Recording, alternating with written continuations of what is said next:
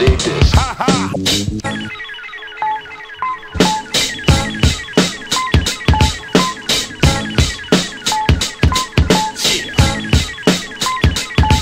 Bóttinlífur ekki fekk til sín tvo frábæra gesti í þessum þætti fekk til minn Hörður Unstinsson, NBA sagfræðing og Sigir F. Ævarsson alvöru sagfræðing og ekki trúaleitu um, og Rocketsman, það sjálfsög fórum yfir víðan völl eh, við eh, óðum aðeins í NBA landslæð og það sem er að gera starf fyrsta hálftíman fórum svo yfir í 2022 nýlega valið endur völdum það fórum öðru liti yfir sísonið uh, 2022-2023 bara á hundavaði og svo völdum við sigir uh, stjörnulegin í bæði austur og vestur dildinni. Bóltin yfir ekki er í bóði Dominos, Kristals og Líkans.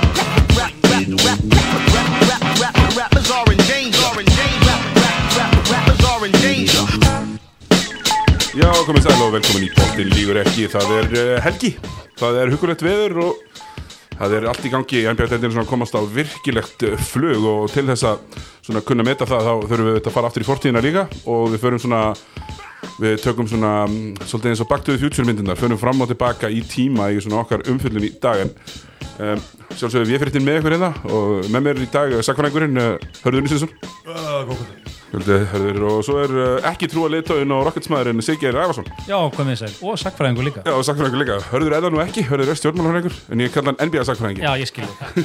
Ég skal nákvæmlega, Hann er samt örgulega betri NBA sagfræðingur en ég Þannig að þetta sleppur alveg til. Nákvæmlega, þetta er búið að vera bara uh, hvernig er hérna, er ekki vetrafrí og svona, þú, þú ert börn Siggeir, hérna, Já, er, er vetrafrí núna? Jú, jú Þetta er bara svolítið skrítið sko, COVID, vetrafrí einhvern veginn bara Já. allir að hangi í iPadinu og eitthvað Ég er samt búin að vera tvísar í sund núna á síðust dögum Já, En ekki á Akureyri eins og veist, eins og venjulega, eitthvað svona Nei, eins og allt annað fólk á landinu finnst mér með er að sjá á Já. samfélagsmiðlum sko. Já, það er einmitt, sko, ég sé fyrir mér einmitt þetta, það er allir á skíum, sko og, og svo er rappri skí eitthvað í bæ en það er búið klukkan tíu. Maður sér ekki að ég, ég, það er eitthvað sorglegt við þetta. Og ég bara svona fyrir mín, mína parta ég, uh, sko mæti bara á svara þeim sem kallaði þetta djammið, að menn hafa verið á djamminu.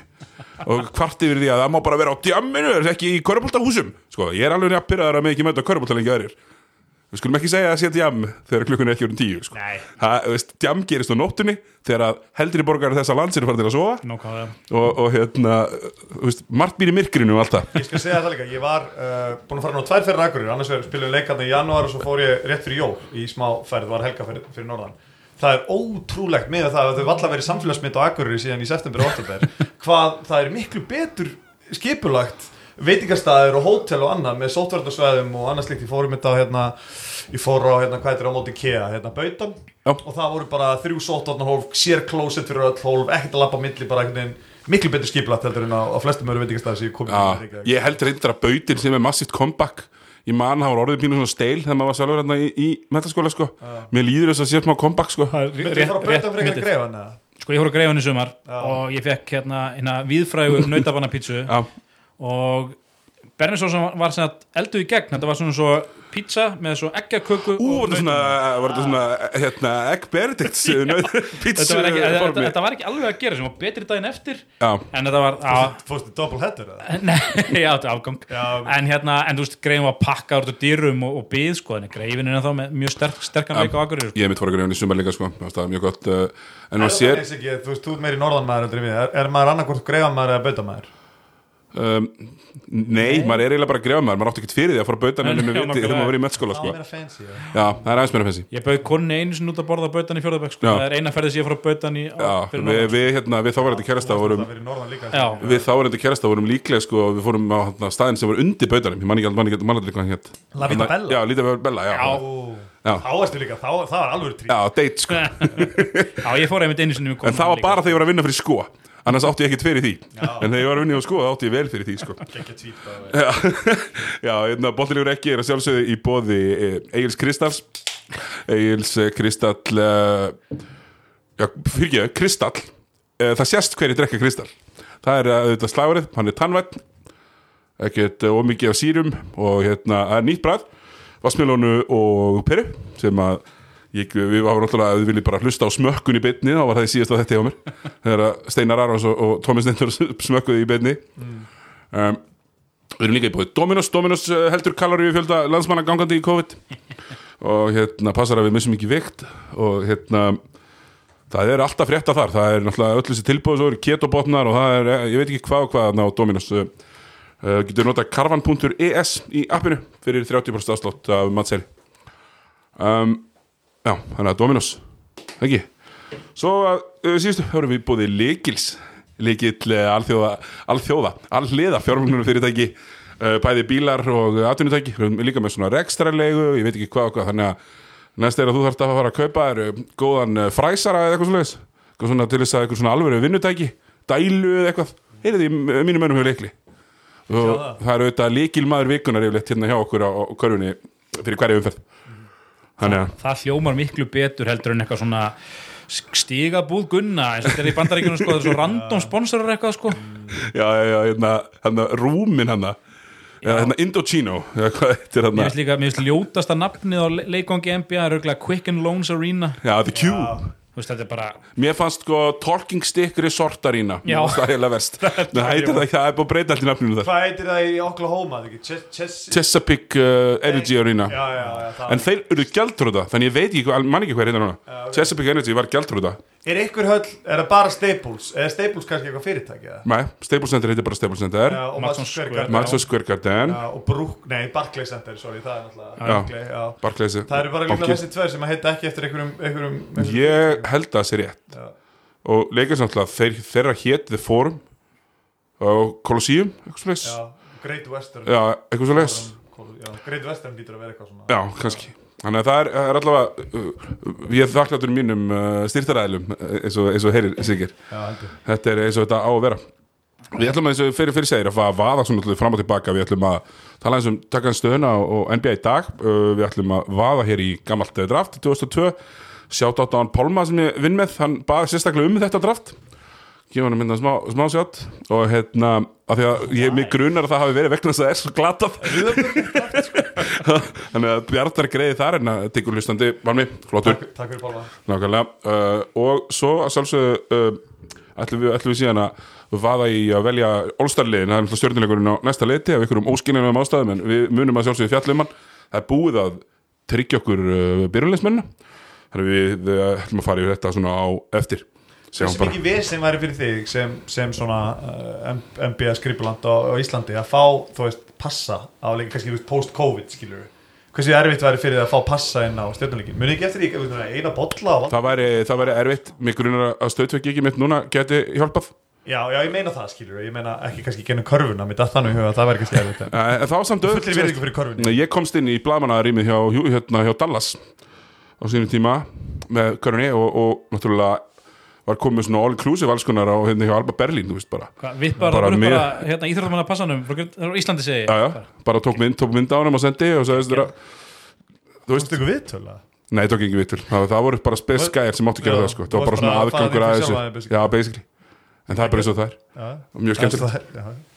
En svo ætlaði ég að fara í Alba Berlín, ég átti mér sér miða á flugmiða sem að Já, sem að- þegar þegar Martin var þar. Já, og það var sko 7. mars eða eitthvað. Þannig að það var bara, það var bara e- eins mikið COVID hérna, kokkblokk og hefur gerst. Þú fórst aldrei já. Nei. en ég mun fara þar sem, að, þar sem þessi strákar nú eru allir á Spáni og Æsland eru þetta góður stillaræði hjá okkur hjá körfunni við eigum uh, nokkar menn við munum vendalega þegar það má fara á stað. Já, og klárlega gera það þegar það er eitthvað að frétta kannski ekki fara í tómu höllina. Já, það er kannski, það er kannski ég bara játa að það á mig, ég bara nennið því ekki. Fallir borg og lensja Já, já, ég, ég fótti Valencia bara í- í- fram Já, sennilega aðeins skemmtilega að fara til spánar svona kannski eftir nokkra mánuði. Já, Já, býða fram á sumar. Já ég meni, það voru fjör- það voru 42 gráður í Valencia eða eitthvað, við gáttum ekki verið úti. Já, Þannig að ég sá ekkert borgin eins vel og ég hefði viljað. Ég sá bara úr bílunum bara. Það er það er. Það er eins og það er bara. Herru, við ætlum að vaða í þetta. Sigur, ég kynnti þín sem ekki trúaleitua Svona því að það er oft sagt að hérna, þeir sem, eru, þeir sem trúa ekki eru alveg jafn trúaðar og þeir sem trúa sem, er sem ég finnst alltaf ótrúlega vondur aukvilla Já. Þú þekkir hana? Já, já, já. og, og hérna, svona svo, svona svo opna ekki hurð eða sama og opna hurð. Eða safna ekki frímerkjum síðan á mál Já. Nákvæmlega.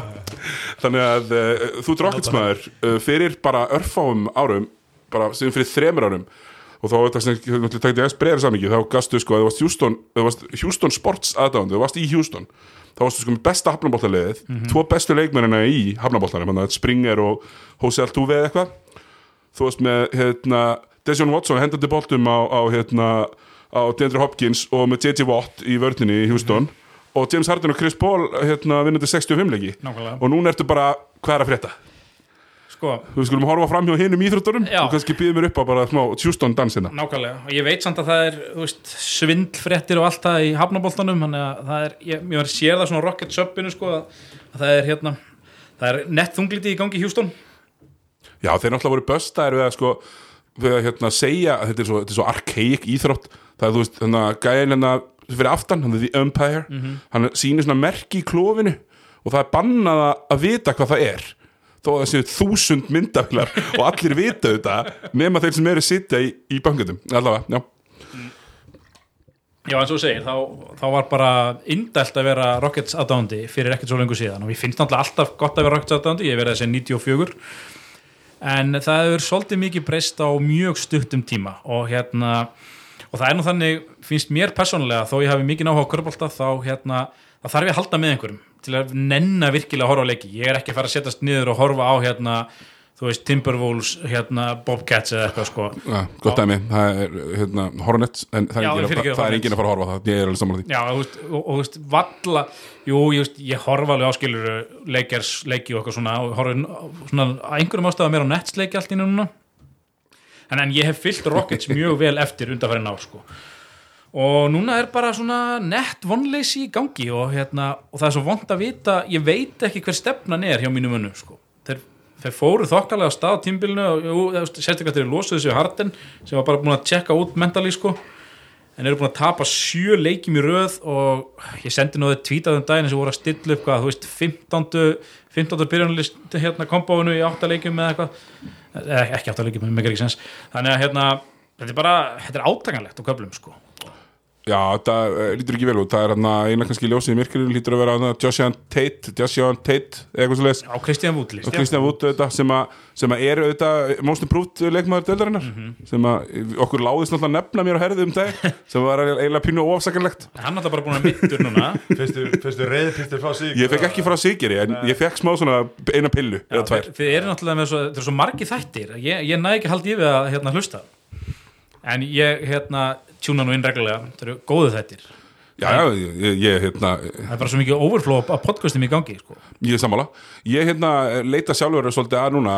Mér gaman að hlusta hluti á íslensku. Og það er, finnst mér eh, ekki alveg, mér, ég væri til í fleiri svona, það, svona, það sem að hérna, nú er kostningavettur þannig ég kalla eftir meiri pólitík. Podcastum. kalla eftir meiri pólitík. Hérna, um, ok Þannig að, þú veist, það Óla Díbo dæmi hann kom og skora 30 stig í fyrsta leiknum eða eitthvað svo 36 stig eða eitthvað. Það er náttúrulega sko, þeir eru með Ola Depot, Wall og, og Boogie sem eru allir einhvern veginn svona uh, á annari löppinni semi að minnstu kosti. Já, Það er ein heil upp Já, samtals á milli er að eitthvað Þú svo veist, að þeir eru aldrei einhvern veginn allir með og svo er Woodbúnar mittur í sjöleiki og þú veist, og Erik Gordon er ekki með besta skrokkin í deildinni heldur. Erik Gordon er að gerast bara helviti hratt útbrunin sko, með við, en hann líka getur ekki kannski ekki verið að bera upp í hluti. Nei, og svo er þú veist, minn maður sko PJ Tucker, hann er hvað þú veist, 36 ára og er, þeir tala allir um að það er svo gott að hafa með í lokkerúminu og eitthvað öruglega en hann er að skora svona eitt stíð í leik. Já, hann átti þrjá í röð með nullum dag það fár hann, Já, það gengur eiginlega ekki upp sko. og, Hvernig er Keimart Junior búin að vera? þeir senda hann í D-League. Ah, og þeir eru bara að vinna í hausnum á hann skil eru þeir ekki með tvo svona barnamenn, hérna, þú veist að bött fyrir menndialeikmann hann í, í, í dýlíkniðinu minnir, minnir að þeir hafa verið með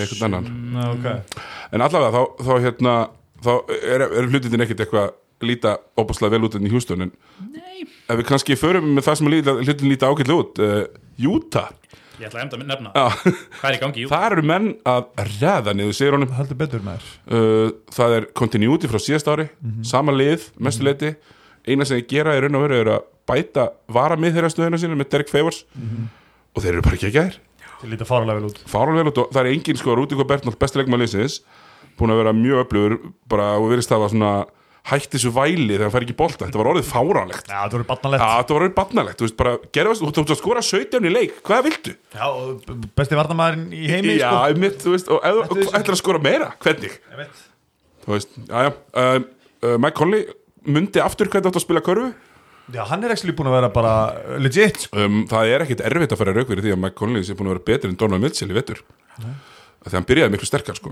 Uh, En þannig þeir eru svona allir að fá allir með framlag og mér fannst mjög skemmtilegt að sjá eiginlega bara ógisla fyndið, ég er alltaf gaman að svona skrítnum tölfræðilínum að þannig að þeir nú eru þeir allt í einu konum við tvo gauðra sem geta hendur 40 stöðum og tekið 0 fráköst. Ha, þeir eru bæði með hann hérna Bogdanovic og, Clarkson. svo var Clarkson með 40-0-1 leikum dag sem ég fannst hann ekki á 26 mínútum. Ekki lína sko. það er náttúrulega siðfræðileg skilda mín sem Rockets að nátt að tala illum Júta sko. Já, en, þið Vernon Maxwell þið sjáum já, þetta. en þetta, er, þetta er bara, í hverskið sem ég opna NBA appið núna á mótana, það er bara sjötti sjöunur, sjöundir og þeir eru hvað nýju einn í síðustu tíu leikjum? Sko. Töpu fyrir klippa svona 26, í nótt og, og eru bara, já, eins og ég segi, búin að vera bara frábærir og það er kannski hjálpar líka að þeir eru þú, með besta line-upi sitt inn á það eru bara, það eru bara fimm ógnir. Og, og Rúdi Gobert er að auðvitað ógn sóknarlega bara með því að rúla ringin Já, nákvæmlega. 100% vertical spacing. Það, en er, er, er þetta lið sem samt sé- sjá alveg ógna leikjas eða? Nei, Nei, Nei, nei, þú veist, mér finnst þið góðir. Ég er Já, ekki já, alveg, en leikillin minna þegar, ég er nú ekki svo fyrsti sem segir það. En leikillin að því að fara í ú- ú- úrslitin það er bara að vera í fyrsta seti. 100%. þá neyður að leika svo klippast til að slá hvort annað út. Já. og ég meina miðið möguleik í einni seríu. Anthony Davis er tæpur. Lebron James er 36 ára hvað, þú veist, og ég minn eins og staðan núna þú veist að uh, ég til dæmis uh, sko er, er Denver Nuggets er sjöndasæti og Golden State er áttundasetti mm. Þú veist þessi tvö lið, mér langar ekki að með þessi tveim liðum í, í, í fyrstu umferð eða segjum að komist ekki inn í playinu Nei. þetta, þetta getur verið úst, Golden State í, í sko upset uh, gýr sem áttundasetti, sjönda áttundasetti sem þeir verða potið, við vitum það að Golden State er alltaf bara að komast ekki inn um eitthvað playin já, sko. þeir koma samt eiginlega þeir eru mjög erfitt með að komast ofar í töfluna 100% Já. og það er líka bara allt í læg Já, já. það er það sem þeir eru í núna skilur. þeir Já, eru já. í þessu hérna, við á móti öllum mentality held ég og, þú veist, og, og, leikinni sem að Steph Curry hefur verið að setja upp upp á síkasti eh, bara sumir styrlaðir en auðvitað ekki sustainable til þess að verða mikið meira en 50% lið sko. en geta gert usla sérstaklega á móti rétta liðinu í, fyrstum verið í útlækjenni sko. algjörlega, og ef ég er í Utah búin að vinna einhverja 50-60 leiki og mæta svo Golden State í verið nei takk sko. Það er með skára samt að mæta þeim heldur en að fá einhvern veginn Jókits og Já, Nuggets ég einhvern segi veginn. það, annarkvort Já, sem er bara vel mannaði líka og það. eitthvað sko. Ég segi það. Jókits er náttúrulega svo, er skrítið að horfa á hana mann á einhvern veginn sko. samt er gaman sko. En er bara ekki þinn vanur þessu. Hann Nei, er, hann er new breed. Já, Við hefum aldrei séð þetta áður. Nei, nei En 90s áhugamenn og aðdáðundur og, og fortölumenn nútíma körbólta Sabonis. ættu nú að vera ánæði með þetta já, Sjá Sabonis Já, minna það eru bara tveir nú eru, þú veist, nú, það eru tveir leikmenn núna, tveir miðurjar sem eru með bestu tölfræðina fyrir lengrakonna í dildinni, í Embiid og Jokic Algjörlega Stembit með PR upp á 32 sem er bara bull, það er bara Jannis season Já, já. Og við tölum nú um það tveir sophomórar sem er að spila sem er, veist, Sion og Jamorant sem eru að skjóta þryggjastæðaskotum sko. Mm. Nákvæmlega. Þú veist, þannig að e, e, þú veist, það er ofsögum sagt að NBA-dildin sé jú, jú, hún er meira homogenik en hún hefur verið áður en hún er algjörlega ekki að fara í, í ykkur hunda og fara út fyrir öll. algjörlega ekki. Og það má líka alveg svona sjá á, á þessum svona kannski bestu liðum. Þau er ekkert tæní sko. Leika sér stórir, klippa sér stórir þetta er ekkert einhverju- er Nei, nei, maður sér það líka bara með mína menn sko, þegar Já. að Wood er úti og Boogie þarf hérna, að skrölda um völlin í 30 mínútur þeir eru bara í bullandi vandræðum sko. Bullandi. Eru, þú veist, það er það er alveg stærnd að, að hérna, mér finnst, þetta er kannski svona pík tímin alltaf á sísonu fyrir mér. Svona 30-40 leikir inn þú veist, 30 leikir inn að þá eiga öll að vera svona búin að læra inn á sig sjálf. Já, já, og það er svona svolítið tilfellið, menn að þú sér það og hérna, San Antonio eru 16 og 11 sem er bara mjög vel gert. Uh, Trailblazers og Suns bæði 18 og 10 stefna bara hraðberi í 45-46 sigra sísón Sönns hljóta að vera sáttir með Já, þetta er bara Chris Paul effekt, ég er búin að segja já. þetta- miljón sinnum. Það er bara, hann fer í lið og þá er það bara 50 sér í 82 leikja sísoni, það gerist bara alltaf en, en ég bjóst þetta ekki við því að hann er svona fucking góður eins og ég veitur, hann er búin að vera fucking góður. Já, ég líka ekki bara, þú veist, ég minna hérna, Brooks og Cam Johnson og, Já, bara flott lið, Algjörlega, sko. 19 stóttar eiger Chris Paul, ánægð með þetta. Eins og þetta að vera, 20 Það er rosalegt maður. En hérna, 36 ára það er alveg að fá að spóla aðeins aftur Já, hvað er með? Að, hérna, Hörður sagði áðan, hérna, þú sagði Kenyon Martin Jr. það ekki? Jú Ég var að hugsa nefnilega um Kevin Porter, Jr. Já Þeir sendu hann beint í dílík Já, en Kenyon Martin Það er Jr. er Kevin lík Porter En já, hann er Er liðinu Kevin Porter svona Terry Porter? Góð spurning Nei, en þeir eru frændur Ég man að ég, ég sé þetta já, það er einhver fjölskyld tengi Já, uh, og sko, Kenyon Porter Jr. Mér veist þetta fó flottur flyer hjá Houston Þegar hann er hæfilega búnt Já, Bara hálfviti já, já Og það er spurning hvort að það verið hægt að vinna eitthvað úr því Stundum er það hægt og stundum ekki Þeir hafa tekið, hvað heitir hann hann gamli, ekki George Lucas? Jú, Ekki George Lucas. John Lucas. John Lucas, George Lucas, alltaf hann maður. Já, muni, John Lucas the third var náttúrulega svona sem Já. var í deilri Hann er búin að vera svona að taka þessi headcase sem það verið að fá og, Já. og reyna að vinna eitthvað í þeim svona bara einn og einn sko. Já, Já. Mér finnst það snjált Púla svona hérna, hérna ekki, var ekki baldur í Þór Þorlagsson við var alltaf hérna, við var alltaf í, með Kínu Rockford alltaf hérna í, í, smá, í smá pössun. Það bara maður mannvörð nákvæmlega. Eh, Ég var svona kannski 2-3 atrið sem ég langaði til að koma mér á meira. Eh, Í efstasættiru í austrinu eru Philadelphia 76ers sem að eh, eru 20 og 10 sem er bara mjög respectable. Reglan þeir segja alltaf, hérna, um er ekki Bill Simmons ég held að Bill Simmons er, er, eigi þá reglu að þú ætlar að vera contender þá vinnur í 40 leiki og þú tapar 20 leikjum Ah, áhuga. þannig að þú veist, þá ert að vinna tvöfald fyrir leiki en þú tapar. Skilji, Já, og þeir eru akkurat þannig 20 og 10 uh, Embiid var með 50, 17, 5 4, 2 í nótt, fjögur blokk og líka Galið. 50 og 17 og algjör rugl Þetta er bara definition of playing his ass off. Ég er búin að horfa á fyrirleiki og hann er bara, hann er bara monster. Top 5 player í vetur, easy. Kaupið og, ekki. Og minn MVP so far. Kaupið ekki. Nei, Sorry. Nei ég er bara máli, kaupi, máli sleppa að kaupa þetta. Ég kaupi alveg beat Já, En ég kaupi Philadelphia. Nei, ég gerði ekki heldur. Ekki séns. Nei, er ekki bara- Nei, En þú Tobias veist, Harris en er pæli eh, Best súta liðið til þess að fara í finals á móti Lakers og vinna þá er, er Philadelphia. Algjörlega. En þeir eru bara aldrei að fara í gennum þessu austöld Ekki fræðileg möguleiki. Þú Ég held Ben að- Simmons er besti varnamærin liðinu. Og þú getur ekki verið með hann inn á síðustu fimm minnur að play á serju Nei, Þú getur ekki verið með hann inn á. Það hefur ekkert breyst. Nei. Hefur ekkert breyst, ert með, með tvær góða skittur. Þú voru líka alveg tvær góða skittur fyrir þreim ára síðan Tveim ára síðan Í JJ Reddick og veist, ok, Jimmy Butler. Það hefur ekkert breyst á hálfumvelli. Þegar leikurinn hægist niður Þá getur ekki verið, þá er hann bara farþegi sóknarlega. Ef hann er bolta. hann þarf að standa út í hotni og það er ekki að dekka hann út í hotni sko. Það bara stendur ykkur undir hingnum þegar að lið byrja skímamótir í úslikefni og leikurinn hægist niður, þetta tvent gerist þá er hann bara liability, þannig að það geta, þú, þú, þú getur runga hann með sem hann vil, hann er búin að spila mjög vel. 14-8-8, hann er geggjaður á opnuvelli, hann er, eiga, hérna, hann er að finna menn í transition sem skiptur alveg fárán Ég sá að leðu Embiid fór út úr miðinu að skora 40 stig. Emmitt, Emmitt sem rúlar Þeir eru bara ekki compatible. Nei, það er bara ekki hægt að byrja þetta saman. Og þú getur ekki, þú getur ekki unnið uh, playoff-seríu með Ben Simmons inn á vellinu Ég veit ekki hvað svo ofta hörður eru búin að treyta Ben Simmons inn í þessu þetta sko. Nei, ég- þetta er ekkit Jú. Þeir þurfa að gera þetta er, það. Þetta er, er Simmons Herri, og, og eitt hérna Fyrst Ég þú, bara segi, ég kaupi þetta ekki. Fyrst þú ferð þangað, Sigir Já, Hot take-ina uh, Kannski ekki En sýnir þetta að Damian Lillard með alla metta sem er hérna, uh, Portlandi 18 og 10 vinnandi bara flesta skorandi, verandi endalaust með 30 og 10 leiki er ekki bara að sína okkur í miljónsa skipti að hérna, Sítið McCollum er góður og, en algjörlega fáranlega mikill pointless luxus veist, þarf Ó, ekki bara Þetta er gett hot take. Ja, þarf ekki bara, þú veist, sýnir þetta ekki bara að það þarf einhvern gæja á vangin sem getur gert eitthvað? Ég held að það sé bara eða einhvern forvart sem getur Eitthvað tróðið ekki gert eitthvað. Gæði sem getur fokkinn spila vörna á okkur í Já, hinulegin og, tró- og, og tróðið fast. Já, þú veist að það er eitthvað lobþrett Kóttu með, eitthvað bara, þú veist Ok, má ég segja bara Chris Middleton fyrir CJ McCollum? Mm, Hver Thaddeus- segja nei? ég held að Thaddeus Young var í mjög flottur með honum. Já, hann er samt 48 ára. Ég er ekki að segja það, ég er ekki að segja það, ég myndi ekki treyta Sítið McCollum straight up, Nei, skilur en segðu mig það, Paul- svarið með þessu. Paul- Svar- George. svar- Já, ok, já, Paul. George, já. En myndur ég, ok, Chris Middleton er ekki Hann er, hann er fýtt vardamaður, hann er ekki lockdown vardamaður Fýtt vardamaður, Mm. hann er langur Hann er atletískur, hann getur skotið. Katzin Sjút, hann er geggjað hver, er hver, geggjað hver, hver er McCollum fyrir Chris Middleton straight up. Portlanda þeir eru bara á ástanginu hann menn elskar sína menn. Mm -hmm. Phoenix Suns menn voru brjálaðir að missa Kelly Oubre. Þú veist, við, ég, ég, það er alltaf þannig. Það það ekki- þegar Sun, þegar Rockets fengur Chris Paul bara massivt overpaymar, Lou Williams. Veist og, og Harrell. Mhm. og þú veit, menn á Harrell hratt maður.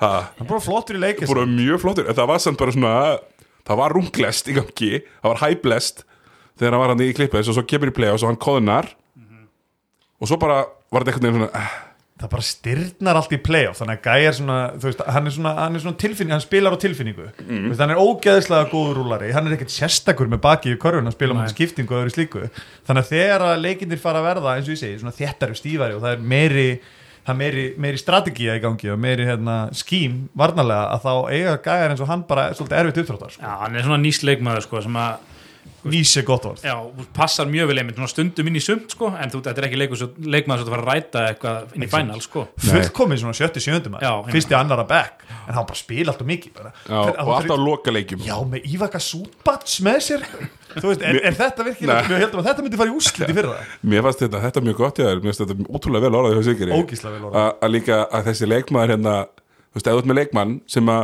fittar stundum í sumt Já. þá er það kannski ekki leikmaður sem þarf að loka leikum fyrir því Nei, En ég, ég, Og líka, og með Markus Morris með honum sko. Já, akkurat.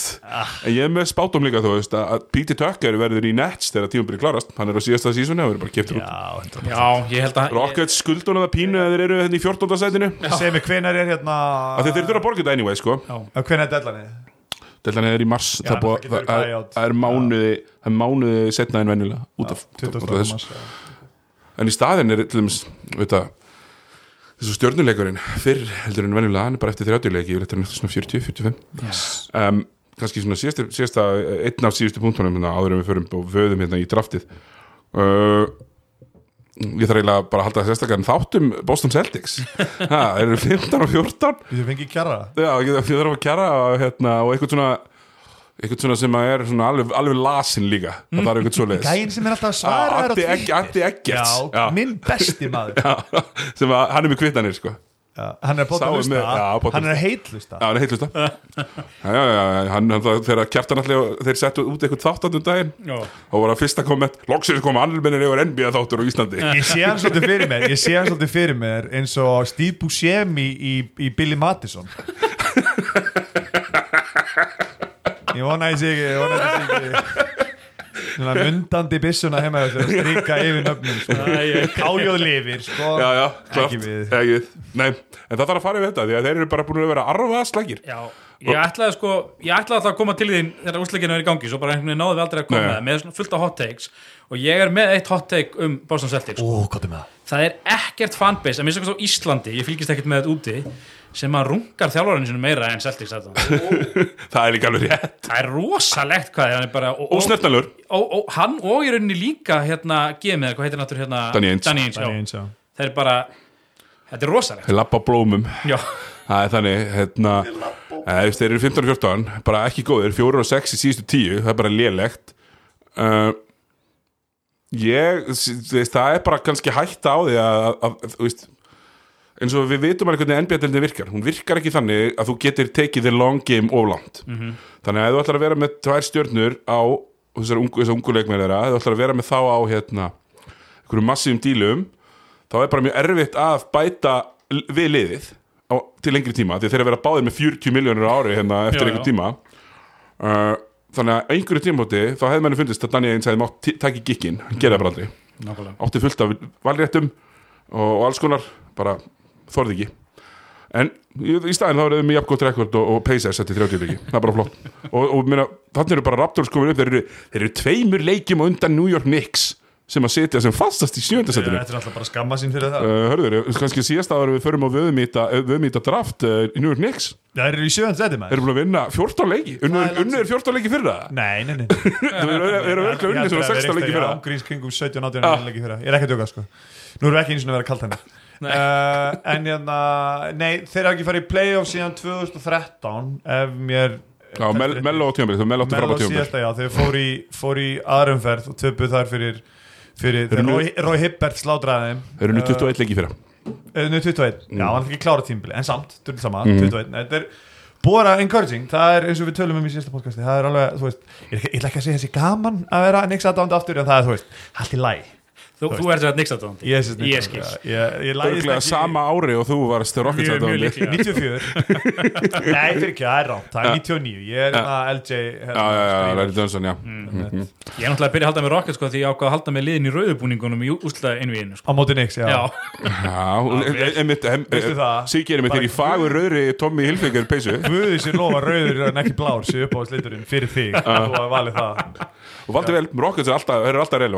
hafa og er alltaf, alltaf. Þetta er fyrsta árið núna bara, síðan, bara í mjög langan mjög tíma. tíma. Síðan bara, fyrir ekki, við erum að náttúrulega eh, getum við bara hoft þetta sem segvi inn í það. Já. Síðan bara næstum því 2001 Nákvæmlega. þegar þeir treyta Hakim Olajuwon skrýtnasta, má ég segja það. Eitt af skrýtnustu treytum sem ég veit um og þetta segir bara til um hversu heimskir gemar voru í dildinu þá að Toronto Raptors hafði ákveð bara, herri já við erum tilbúinir að taka við 38 ára Hakim Olajuwon á bara þokkalega stórum samning sko. og sendu eitthvað tilbaka fyrir hann sko. og líka það að Hakim hafi látið sér detta það í huga að spila þetta lengi hann bæði hann og Patrick Ewing spiluðu alveg góðum þremur til fjórum Það er til svo sorgleg myndaðum þar sem að hérna, Hakim er í Toronto og hérna Ewing í Magic hann var í tveimur liðum, hann var í Seattle og Magic. Já, það er hérna hann er í Magic. Þeir eru eitthvað að posta mynd. og þeir eru svo, þeir eru svo þreyttir og svo gamlir og svo sveittir. Og feitir. Og feitir já, og búnir bara. Og sé það sko Hakim var með 10 og t- og 12 stig að meðaltali sko áðurni treytuðunum til hérna, hann var alveg búinn Hann var alveg kveikjallinn. búinn, já. og spilaði líka bara 20 leiki. Hann var sko þryggja ára samningi á Toronto-strákar þeir voru að borgunum í þrjú ár. Veitir hvað hann spilaði marga leiki? 20 hann spilaði 20 leiki fyrir Toronto Raptors. Ertu viss? ég er 100% viss. Stendur 61 hérna? Ó, það er rámt sem er það, ég er ekki 100% En hann viss. spilaði bara eitt tímabil eins og Já, 100, 61 leik á einu tímili, ertu vissum það? Já, ok. Það er bara mengilega stengur frá. Já. og þá erum við miklu meira Já, sorry. rými. Herru, já, hérna við ætlum að fara í, í, í, í nýlega velið 2002 Uss og hérna þannig að við erum eins og, eins og áður í svona pínu, í svona pínu sagfræði feeling. Svo þegar við erum búinir að þessu þá ætlum við að velja í All-Star-liðin. Ég er mig grunnar að hörður verið farin þá. Þannig að við segir ætlum að taka það og þá förum við þetta meira í líka í það sem er að gerast núna í dag og, og liðin og, og, annað. En við ætlum að taka svona Back, back to the Future hérna, var ekki, var ekki mynd nummer tvö sem fóru, eh, mynd nummer eitt var aftur í tíman ekki? Jú. já, já, Það farið til 55 hana. Svo farið til 2015 en það ekki jú, myndum 2 akkurat. Jú, og svo lengst aftur í tíma. Já, þetta er rétt muni höður Skrýtna myndi Geðvett, uh, current hérna, Nei, ég var að hlusta á því, hérna, síðasta segve, síðasta sem ég segi sko, þá var að hlusta á Zach Lowe eitthvað og hann er alltaf, þú veist, sko, með einhver reference í Seinfeld. Eitthvað, hann er svona hann er early 90s eitthvað, Það sem ég lúði já, það er mjög gott. Mér langar samt að skjóta einu ennin varandi Nick sko en við förum yfir þetta. Ég er nefnilega leik, á leiki Madison Square Garden mm.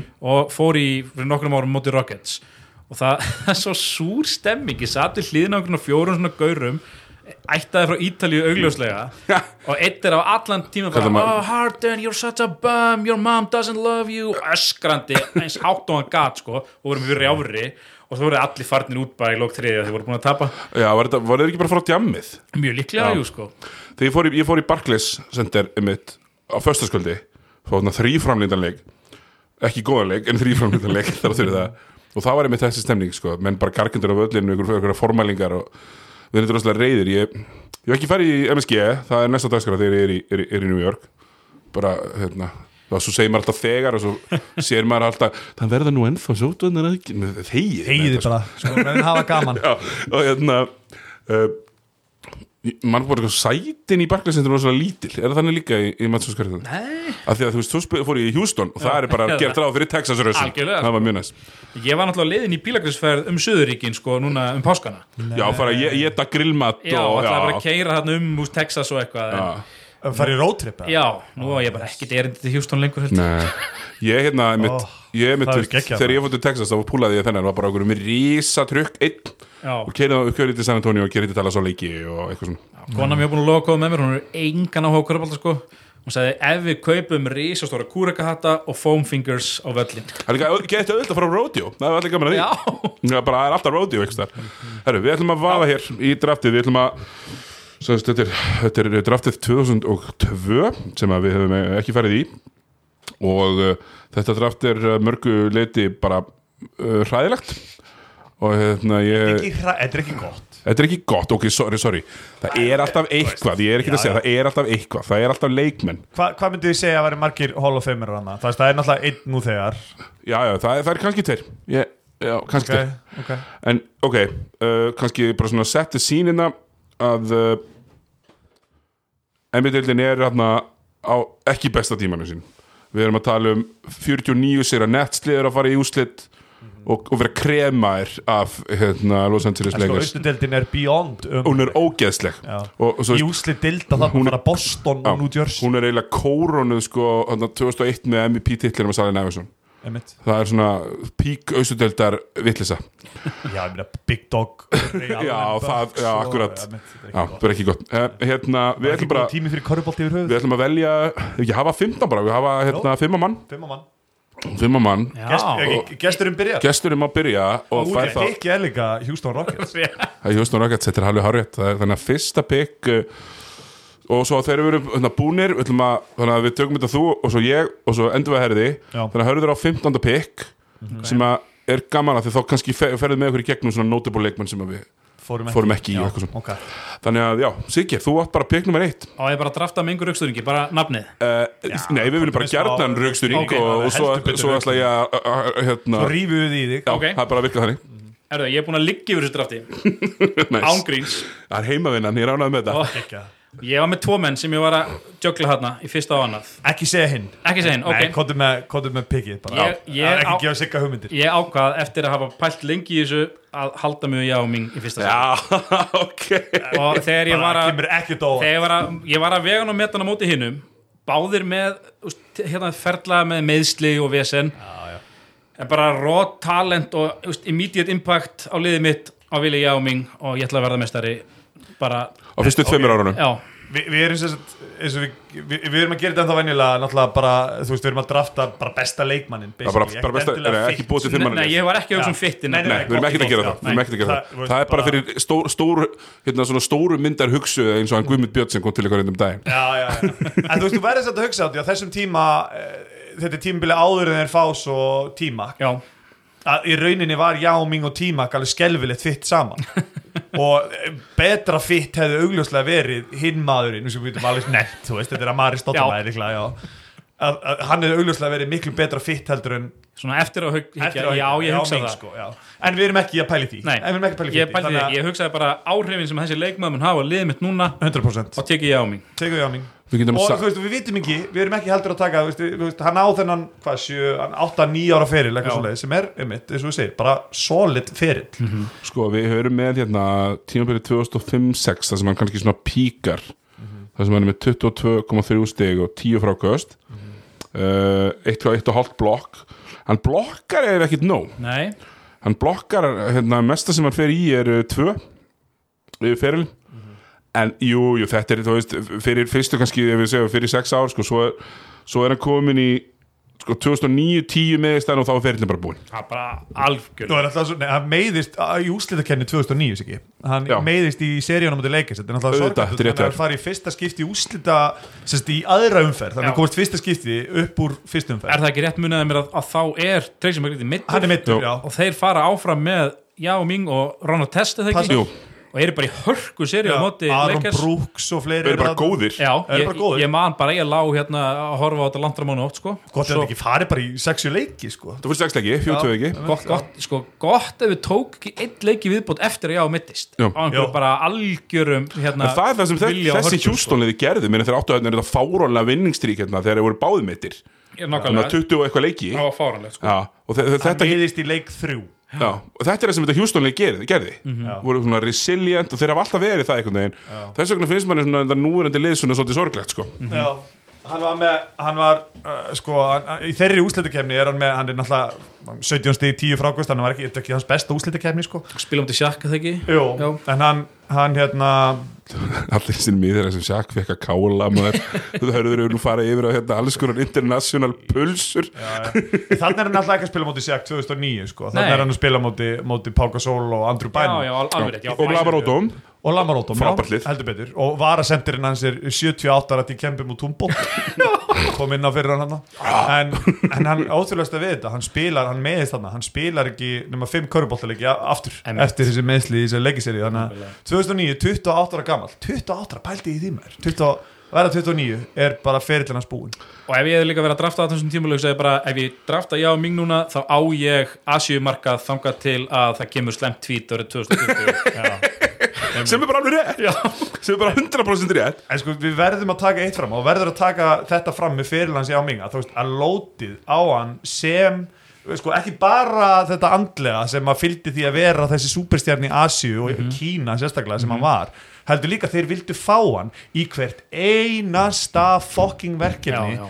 sem að landsliði spilaði það var bara Asíuleikar, það var heimsbyrstaramót það voru olimpíuleikar náttúrulega, þrýr, ól- hann spilaði þremur olimpíuleikum, hann á áttar á feril strákar. hvað er hann? Hann var hann þremur 7-6 hvað segir þau? er ekki 7-6 Hann er 7, 6, 7, 7 Jú, eitthvað svoleiðis, já. ok árið, tvö- árið 2008-9 nei 2007 tímabilið 2007-8 spilaði 37 mínútur í leik Einmitt. maður sem er 7-6 er, þú veist, Já, það er bara eins og sé verið að reyna að láta þetta gerast ekki nóg með það ekki hann spilar hann, núna bara ef menn eru stóri það bara, ú, það verður ekki verið 30 sko. hann, einmitt. hann, hann, hérna, hann spilaði til dæmis til dæmis hann meiðist þarna 2005-2006 tímabili Byrju, spilar hann á ólipíleikunum spilar olimpíuleikunum 2000 í Sydney. What? Já, að, hann er búin að spila, hlustið á þetta. Áður en hann kemur í NBA-deldina er hann búin að spila 122 fulla competitive leiki með Shanghai Sharks. What? sem hann á í dag sem, a, sem, Sem hann á í dag. já, já, já, flott, frábært. Bara geggjaður en, en þú veist, hann er frá punktur. já, já, góð punktur. en hann er, búin, hann er, hann er hérna, er ekkert smá álag á 7-7 líkamann sko. Nei, nákvæmlega. Ah, er punkturinn sko, sem að og ég, man, ég mæli með fyrir hérna, áhengendur svo ég hætti nú þessu gassi að hérna, horfa á heimildamindina The Year of the Yow The Year of the Young hún er á Netflix. Hún er frábær. Mm, bara mjög gott þá veit ég hvað, ég fyrir að horfa á það ekki með heim og eftir? Já, og þetta er um hérna, þetta fylgir, fylgir translatornum hans í rauninni. Já. á fyrsta árun hans í, í Houston. Já, ótrúlegt, Sigir, að þú er ekki hort á þessu mynd. Já, ég bara er að heyra á þessu fyrstskipti Það- frábært frétti fyrir mig. Herri, uh, ég, ég á hérna nú tvö. Og ég fer ekki langt yfir skamt og drafta beint út úr high school. Amar Stóðumær Amar Stóðumær með 14 ára feril flest árin í Phoenix þar sem hann var tróðslu maskína með Steve Nasa fæða sig. Átti síðan óbóðslega fína byrjun með New York Knicks á sínum tíma. Fyrstu, fyrstu svona hvað, 20 leikina eða eitthvað? Þannig að hann og Raymond Felton voru tearing up the league. Og hérna svo bara síðan og svo, svo, svo segir í læri síðan ekki söguna meir. Þannig að þetta var eiginlega pínu þannig sko. Að ferillin að Amari Stöndumær hann fer í hérna þess að frægu sem er hægt að gera núna. En hann er einn af þessum fyrstu sem að fer í það sem heitir microfracture Já. surgery. Einmitt. og hún gekk bara ekki nógu vel. Við sjáum bara hvernig ferillinast verður sko, hann er alveg upp að 2012 og þetta er hann búin að eiga í meðstasíson, minna hann missir allt 2005-6 tímabilið sem er leðilegt, það er besta sönslið. Það er besta sönslið, 2005-6 Já. Er ekki síðast ára hans Joe Johnson? Jú, Já. hann spilaði þrjá, leiki sko. Það er rosalega vond sko, af því að í, á, á tímabilið strax á eftir þá er hann með 20 og 10 svo er hann komið í 25 og 9 hérna 2007-8 en svo hann til Nix fyrsta tímabilið Nix er með 25 stig sko. Hann var rosa góður þetta spilaði fyrsta tímabil. 78 leiki, startar á alla 25, 8 þrjástóðsendingar, 2 blokk.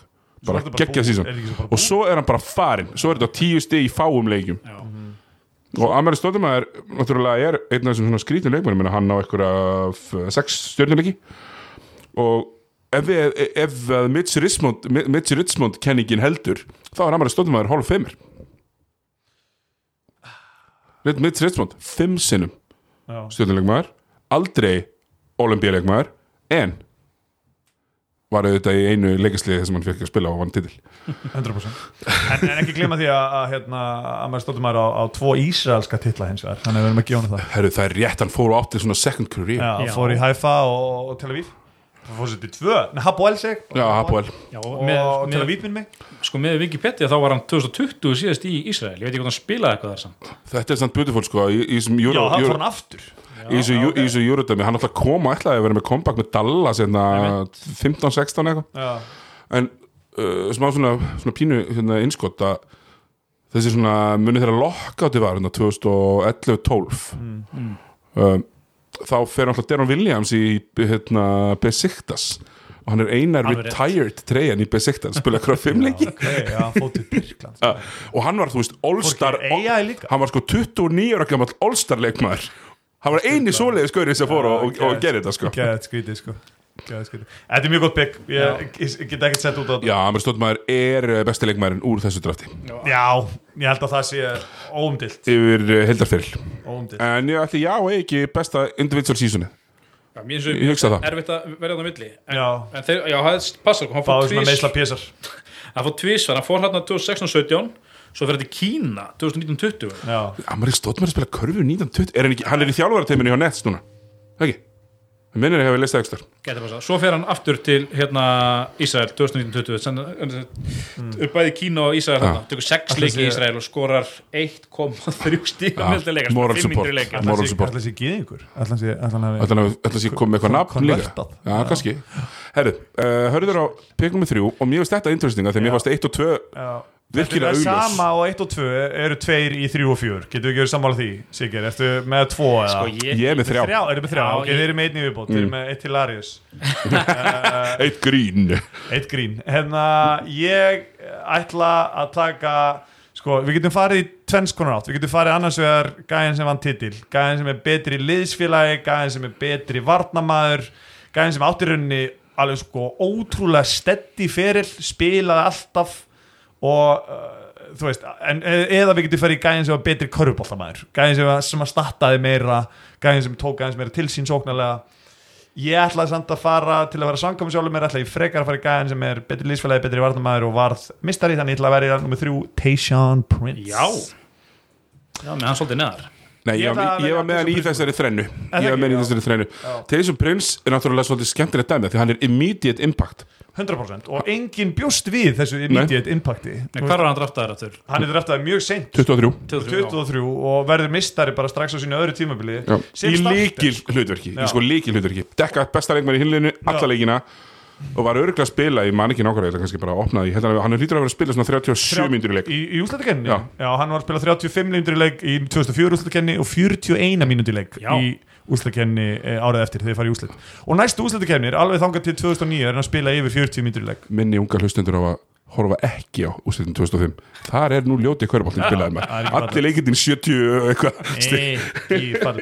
Hann var líka hann var, hann var leikmaður sem var hérna, sem var sko vanmetin ég ætla að segja það, vanmetin mm. þryggjastæðskitta Já. hefði hann komið inn í dildina núna þá var hann að skjóta á miklu harra klippi. Hann var 37% karýr þryggjastæðskitta uh, sko, hann var frábær varnamaður en hann var ekkit sérstaklega mikill startari varnalega Uh, þannig að hann var ekki með hann var til dæmis aldrei með yfir eitt blokk eða eitt stólin bolta með það leik sko. frábær varnum að sann sem maður en, enga síður frábær varnamaður Taysom Prince hefur ekki ennþann þannig dag í dag hleyft neinu minn í miðina Nei, Sko, allt út hann er sko lang mínútuhæstur Já. í þessu drafti. Hann er lang lengsta Ok. ferilinn svona konsistant spilamínútur í Já. á ferilinn Mér finnst bara eitthvað við það verðlunum það. Þannig að ég ætla að setja Tyson Prince Númer þrjú Já, mér. sko ég var með svolítið neðar en það var svo með svo marga leikmenn í þessu drafti að ég þurfti alveg að fara aðeins að klóra mér haustum og googla og rifja upp ferilinn sko. Og, og hérna og ég greinlega held ég kannski rifjaði bara Tyson Prince ekki nógu vel upp.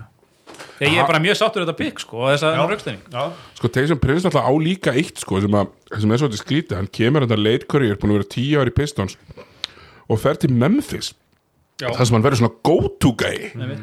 þú veist, er ekki eitt mikið með boltan og eitthvað svona Já í sem svona skrappi í Memphis-liðum sem Já. fyrir mitt, sko, lið Memphis-liðið hans 2013 fyrir úslit vestudildar hennar strákar það var mjög skemmt eftir því, ja? slátur í San Antonio fyrstu umferð, þið mandur rétt þeir, Já þeir töpu, sagt, þeir tapa já, fyrir, þeir tapa fyrir San Antonio já, í þeir, fyrir ekki, þeir Conference. slátraði árið eftir Já, Árið eftir, já, Já. Nei, árin áður, árið náður, já, 2012 og vinna í fimmleikjum Já, vinnaði fimmleikjum já. Uh, þannig að hann er í báðum hann er reyndar ekki í því liðin, hann er í liðinu hann 2013 sem fer í Western Conference Finals. Já, töpuður fyrir eh, San fyrir Antonio. San Antonio, fyrir- unnið er Oklahoma í hérna, ykkur 6-7 leika serju hérna, nei, ekki unnu Clippers. ábyrgða? unnu Clippers, Önnu Clippers, já. Blake Griffin mittist og þeir kláru síðustu tvoleikina yes. Story of the Lob City Clippers. Talandi um Já. Blake Griffin bara hérna aðeins út úr. Er, er hann bara að fara að leggja skónu hilluna eða? Herru, það eru tveir leikmenn alltaf núna sem að eru bara eitthvað Herru, þeir eru með rosalega Andri Þeir eru actually og- góðir En þeir ætli bara að vera bekknum. Andri Drummond og Brek Griffin. Það var einhver að segja að Griffin hefði bara ekki tróðið í leik bara síðan elstu munn munna eða eitthvað. Já, hann tróð einu sinni fyrir þetta, með eina dróðslu það vantar áttur á þetta statt hérna. Því að stattið hjá uh, hérna því að stattið uh, eins og Spáni þá eru menn bara frekar grimmir í hérna í, í tróðslu stattinu já, uh, þannig að ég, ég kalla eftir þessu því að NBA eru þið með hérna stórfengluðu tölfræði Blocks Against Já. BA, Frábær. frábær tölfræði. Já. þannig að mér finnst vanta þetta tróðslur.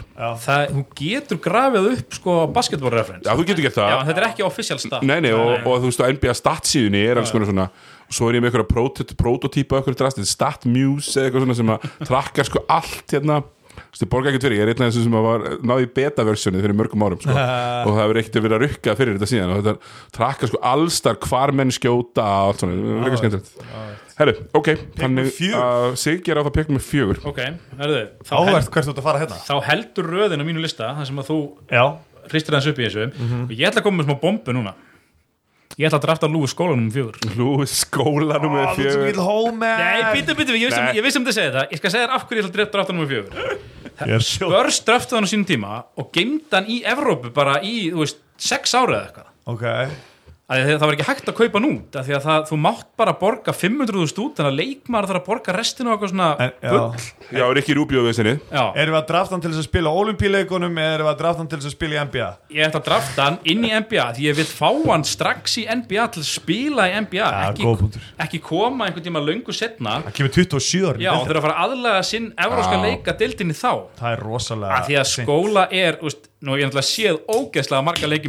að af einhverjum ástæðum og hann er svo hann hann er svo hérna, svona mikið svona finesse sóknamaður getur dansað fram í öllum dettur í hug. En hann er líka svona ég ætla ekki að segja þessi pulsa en hann var svona rosa mjúkur oft sko. Motherfucker, fannst mér.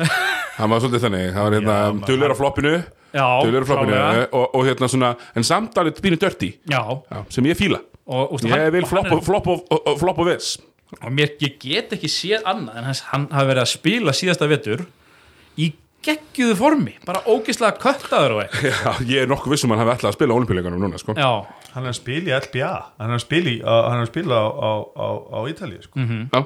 Vá, maður. Hann var, herðu, hann var mökk, mökk gráhærður og síðasta háum í görfu að raða niður stigum, sko. Já, heyrðu, hann, er hann, er, hey, hann er bara hann er búin að travela, hann var í Kína hann er búin fara í já, já, hann er búin að fara You've been En- around, sko. En pæli í þessu, ég ætla að koma eina, eitt fun fact Eðna, Hann var valin í, hann var valin í All Rookie Team. Já 2008 Já, 2008 ára sem var, var ekki Pablo Prigioni náttúrulega all-rookie team, 36 ára líka.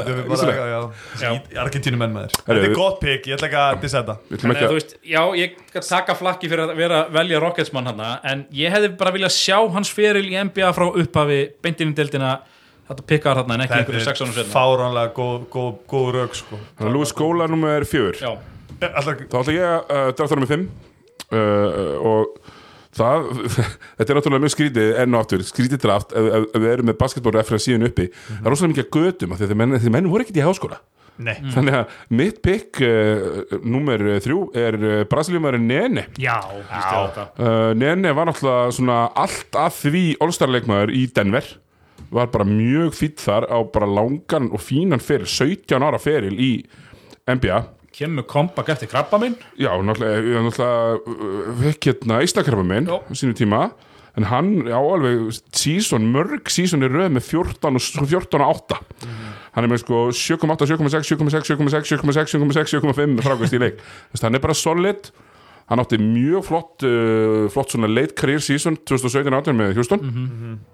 En, og var bara ákvæmdur í Washington en það er náttúrulega þrótalið alltaf en já, ég, mér finnst mjög auðvelt að velja neini þetta þetta er rosa gott pick já. Mm. og hann var frábær í þessu, í þessu 2009 liði, starter í 2009 liði Denver sem að fer í úslitanum móti Já, já, tveimur skítastólnum boltum frá trefur að rísa frá því að fara í úrslit sko. Já, algjörlega þeir, Og- þeir, geta, þeir geta unni tvoleiki og í bæði skiptin stelur hann innbáttunni af því að Chucky Atkins getur ekki gefið boltan inn Já, ákveður þetta láta, já, einmitt, já. fucking hell sko. Ég man ég var brjálaður sko. En þú veist, ég, ég dissa þessi Washington liði svo ég vill en hann er í tveimur fínum Washington liði sem fara hann hann tveimur fínu vöstunum ég veit það. Já, bara alls ekki slæmi liði sko. og er treyta þegar John Wall er í topp top til Houston, passa það ekki sikir Hvað sérum? er hann mikið treyta fyrir Marcin Gortat Jú, honum er þreyta fyrir massa gott hatt Já, þannig að hann fyrir til Houston og Gortat fyrir til Washington Já, Nei, þetta er þryggjalega treyt sko, Já, já, kom aldrei við í já Nei, hann kom aldrei í Houston já.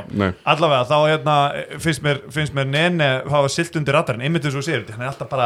Nene hafa silt undir radarinn, einmitt eins og þú segir hann er alltaf bara þú veist, 14-7 hann er bara svona solid 14-7 gaur. Bara þegar hann kemur inn á þú veist, hann er svona svo ískápur í tegnum en samt svo mjúkur með hérna bakgrunum fótboltaði Brasilíu einhvern veginn. Baseline jumperinn on lock sko.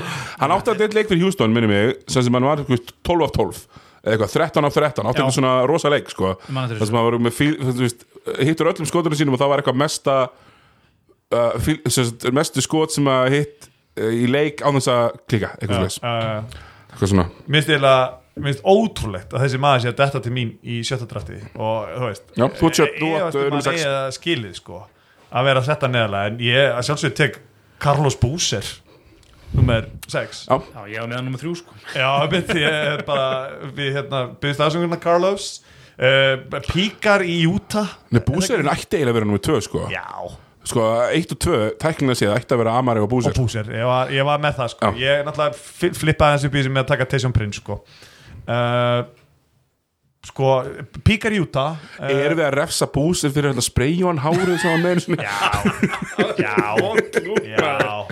Og líka, sko Hann svíkur, hann hérna púlar Hann púlar Elton Brand Já, Það er það sem Carlos Já, Búser gerir. Hann gerir. Hann svíkur, og þú veist, nú er alltaf ekki svik í NBA þannig, skilur En hann svíkur samt Cleveland, þú veist Hann, fæ- hann hérna er hérna 2003-04 Mhm. Með fyrsta tímabili með LeBron James Og þeir eru að fá Mo Williams inn Mhm. Og þetta er að verða alvöru, alvöru lið Og þá er hann búin að samþykja að vera með Og svo bara svona bakkar hann út. Hann var sérst búin að samþykja samning upp á 39 miljónir.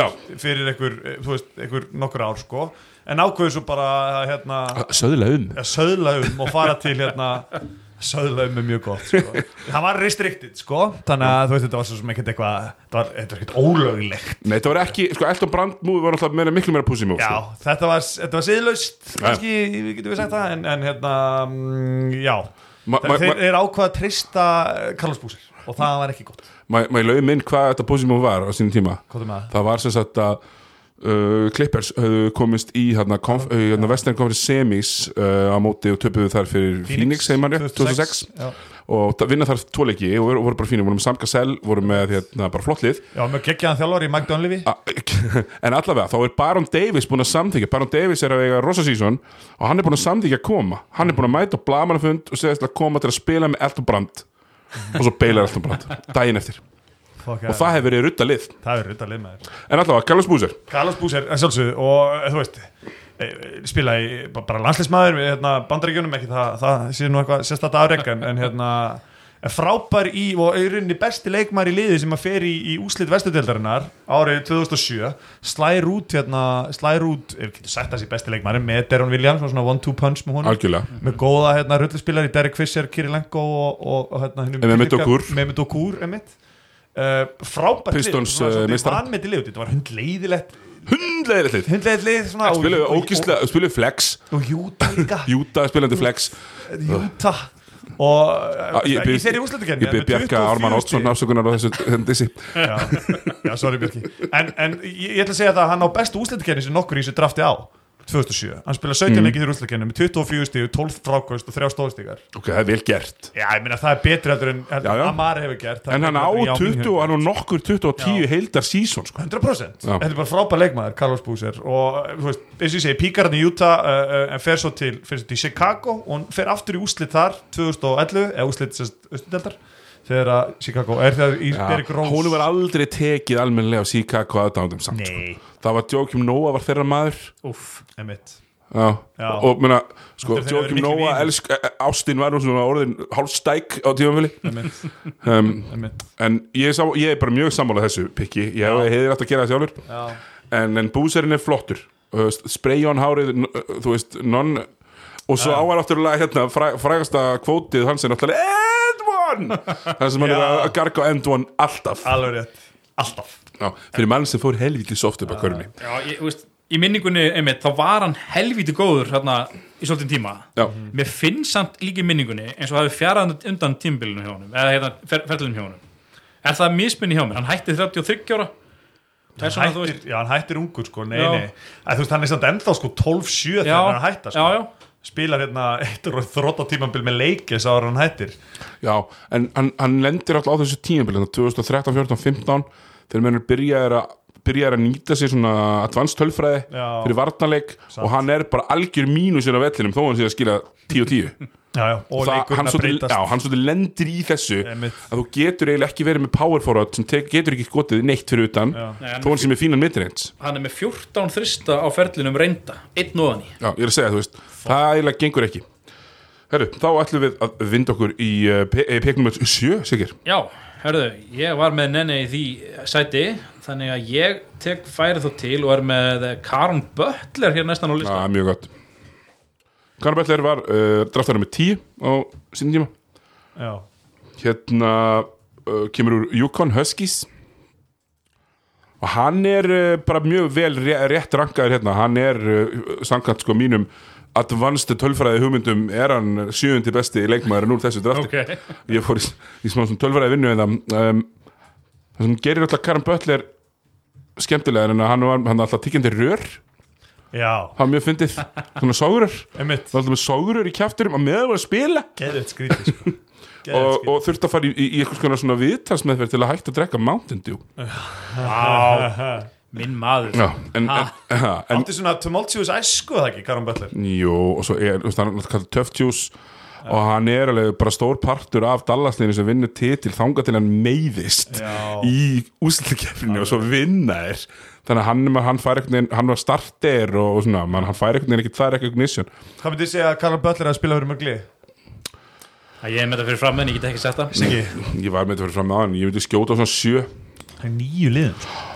Ég batt miklar voru við hann í Lob City Clippers sem small forwardin sem að þeir höfðu aldrei fundið. Já, já, hann gekk ekki alveg. Uh, Nei, hann var fín sko. En Já, já. það sem gerist náttúrulega var að Chauncey Billups uh, sleita hásinn, alveg, hann átti að vera tvisturinn sko. Alveg rétt. Þannig að þetta, þetta fór fórgörðum en Karan Butler, jújú jú, bara flottur leikmaður og við gleymum því að á píkinu sínu þannig að í þessu Washington-liðin sem tapa alltaf fyrir Cleveland í, í hérna úslakefni crab dribble og allt það hann var bara 20 stegum maður hann bara 27-6 sem þú veist gæi. Var svona second banana með Gilbert Arína og svo var sko. Antoine Jameson hann þú veist, verandi power forward, fínt lið. Þetta var bara fínt lið. Já, töpuðu 50 alltaf sér lið. Mhm. töpu alltaf fyrir Cleveland. Af því að þú veist, þú horfum bara á þetta. Hver ætlar að gera eitthvað í engin þannig að Karon Butler er bara mjög, mjög, mjög fínt hérna valfins mér í, í, sko. í, þessu, í þessu slotti. Uh, ég á átta og sko þarna er ég reyndar komin í svona smá svona klemmu. Já, við komin, við komin Já, nú erum við við í- í Þetta fram að Já. hamri þarna. það er núna að koma alls konar gæir og uh, ég hugsa að þrátt fyrir að hann hafi bara verið svolítið svona grínleikmaður mjög lengi Já. þá held ég fari Drew Gooden. Já, Er Bara solid. Já, Drew Gooden, nummer 8 Drew Gooden, uh, hann er uh, minn svona, minn svona vinahó... Enn að fokkin spila Nei, held nú ekki. En minn svona vinahópur var með, var með sko tölfræði þátt sem heit alltaf Gooden tölfræðin að því að Drew Gooden átti henni svona rosalega fyrsta leikluta. Mm. þar sem hann skoraði veist, 15 steg og tók 10 frákast í fyrsta leikluta. Mhm. og þá gæti maður áletta að hann myndi skora 60 steg og verið með 40 frákast. Þannig að þegar þú framreiknar upp allt Já. það er Drew Gooden tölfræðin sagði uh, mér. Við skulum samt gefa Drew Gooden það. Hann er næst stegasti maðurinn í liðið sem fyrir úslit sko. Hver hver, Drew Gooden var alltaf bara góður þó hann hafi orðið punchline. Já, að, þeir unni ekki. Alveg svo Larry Johnson var ógíslega fyndinn og skrítinn en var fínn í körfu. Algjörlega. Og Booby Gibson og félagar. Fyrir í hvaða liði í- í 2007 Cleveland 2007 var hann sem næst stegastur í úslitaseríunni fyrir, Já. fyrir Cleveland. Mo Williams lítur að hafa verið næstegastur í, í, í tímabil. Nei, yfir tímbilið var næst stegastur Larry Hughes. Mo Williams var ekki í þessu. Nei, hann er, þetta kemur hann, ég sagði mér sá hann kemur hann ára eftir. Nei, hérna, já, mér varst þetta erfitt af því að þetta verið margir um hituna. Þannig ég enda þarna uh, á pikki nummer 8 Solid 11-8 gæði upp sitt besta bara gott pick og líka með lengi líka. verðum að minnast á hann var náttúrulega með ógeðslegasta hár sem ég hef séð. Já. munið eftir því, hann var með svona patch nakk, í nakkaspikinu, munið eftir Galið. Ha, bara svona, bara svona, þú veist 10 sinni 10 cm af einhverju ógeði hérna, aftar á nakka Ógislega skrítið sko. Þannig að þú veist, tjekkið á þessu. Æjæjæj. Herri, ég er með næsta. Ég, sko Þetta er svona milli tveggja hjá mér sko. En ég held að ég sé nokkuð solid með að taka uh, All the Smokes Matt Barnes. Í pikki nummer hvað er ég með? Níu. Ég þekki, já, Matt Barnes, bara solid journeyman í NBA-deldinni byrjar eh, hann svona setni gang fyrirlin hans en, en svona kannski hans hápuntur er, er annars vegar með Orlando, nei með hérna fyrir ekki We Believe Warriors liðinu 2007 það sem hann var center Já, og, og svo hérna, á hann það, á hann það hérna, skemmtilegt að hann svona flakkar milli Orlando og Leikis ákveður þegar liðin eru ekki í úslitum þannig að hann næri aldrei að spila í úslitum fyrir nefnitt uh, 2017 þegar hann, hann tekur titil held ég heldur en hann fikk ekki hann ekkert að spila nei, nei, nei, bara svona sem spila gæ- hafa gaman gaur. Uh, hann hérna er draft, hann er mjög neðarlega í þessu drafti. Já, en það ekki, er hann ekki alveg 46 einmitt? Jú, 46 kemur UCLA, er fjör ára gæði úr, úr, úr college en, en átti bara þú veist, solid uh, NBA feril og, og náttúrulega búin að gera sér enn betri feril sem hérna, hann er podcast fjölmiðla maður já, hann er mjög skemmtilegur. Mjög góður fjölmiðla maður og, og þeir, þeir félagar skemmtilegir. Ég hljóma náttúrulega eins og bíluplata hér og ég held að hann væri svarið í smálforrættunum hjá Lopp City Clippers já, þú helst að þið leituðu víða því Lob City menn það var, ein, það var einn ári. Það var einn ári, við endum í Bobby Simmons eitt ári í svarinu einmitt. um, ok, mér finnst þetta, mér finnst þetta fínt hérna, maður bara sá náttúrulega iconic uh, moment þar sem hann er ekki svo sem er iconic þegar hann er svona fake senda í andlita á Kobe. Já. og Kobe blikkar ekki já, já, það er mjög gott. Það er eiginlega bara með, með skemmtilegri momentum bara. Spilaði saman árið eftir. Já, einmitt. hann missir alltaf á úslitunum spila með Orlando árið eftir að fara í úslit og spila svo með leikis árin eftir að fara í úslit sko. já, og núna vil ég fyrst meina að Siggi sé komin í vandræði sko. ja, nú ert að því að núna er sko, núna erum við komnir í svona aðeins öðruvísi gæja sko. já. Sko, ég er alveg með þetta nokkra mann á lista og ég er með einn mann á lista sem, að ég, sem ég ætlaði að drafta fyrir sko. Mér, mér langar samt eiginlega ekki að drafta hann Þannig mér finnst hann svo leiðinlegu leikmaður. Það. Það er Mike Dunleavy Jr. Úf, þetta er bara rétt, Mike Dunleavy ætti mér í sér jafnvel að vera ofar sko. Já. að það nátti langar fyrir þess að var með Hann er 15 og 7 eða eitthvað. Þriðji draftaður í þessu drafti sko. Já, það er eitthvað sem sem ég bara, já, svo erfitt eitthvað með já, sonur pappasins, pappasumulur þar var hann já. og munið þeirra bæði hann og hann hérna t- hvað Troy hérna, Murphy. Voru saman í liði. Herri, eru sami þeir- gauri Þeir náttúrulega, þeir eru, þeir eru partur af mestu indianaskastar treyti. mesta white boy já. Treytunum fyrir sko Al Harrington og Steven Jackson sem að setur upp We Believe Warriors og þetta var svona, get them the fuck out of here treytið sko. og, og Mike Dunleavy skorar Indiana voru það áfjáður í að bæta ímynd sína. Þeir voru bara, fáum bara einhverja einhverja, einhverja geð næs hvítagæði meina 2007-8 þá hann með 19 stíð í leik já ég veit það hann er ekki, hann var ekki lélugur nei er hann ekki, er hann ekki svolítið too soon gæði Já, kannski. Hann hefði mér mjög auðvitað getað slotta einn sem svona power forward sem tekur þrista. Já, svona Ryan Anderson típa. Hann er 6'9, hann tók með skot með hægri og Troy Murphy með vinstri. Þetta var mjög gott uh, kombo, sko. Og ekki vinsalir í klefanum 2007-8, er Ron Artest með í liði? Nei. í hvaða liði Nei, hann er, hann er farin að 2007. Færin, já. Þetta, er- þetta er gott pick. Já, þú veist, þetta pík, bara, ég, ég verð bara að sjá þetta, þetta pík árið hans hjá Indiana Pacers, þá er hann með 19 steg, þeir, þeir, þeir vinnur ekki mjög marga leiki, en uh, hann er stegastur í liðinu ásamt uh, Granny Danger sem skorar 19, 19 steg líka, svo er þetta Jeremy Lee, Troy Murphy, Jamal Tinsley og Flip Murray. Þannig að þetta er nú, sem að Flip Murray var nú í þessu drafti, sem við erum að fara yfir núna, spurning hvort að hann komast inn á 2.15.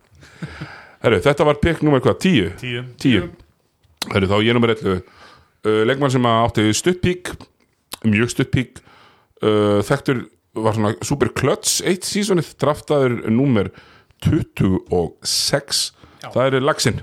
Það er John Salmons John Salmons talandum að vera undan sínum samtíma. þeir eru að missa einum maður. Ó þeir eru að láta mig fá einn bara algjöran lax.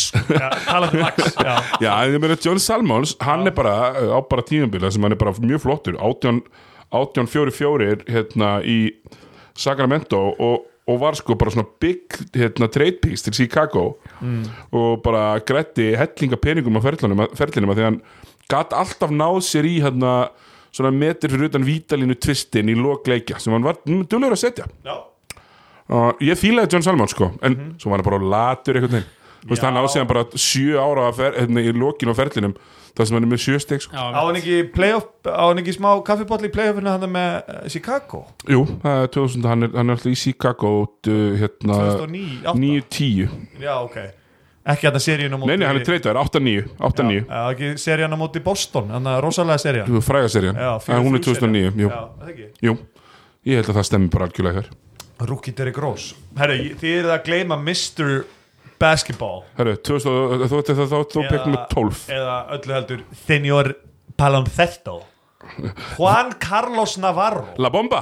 La Bomba.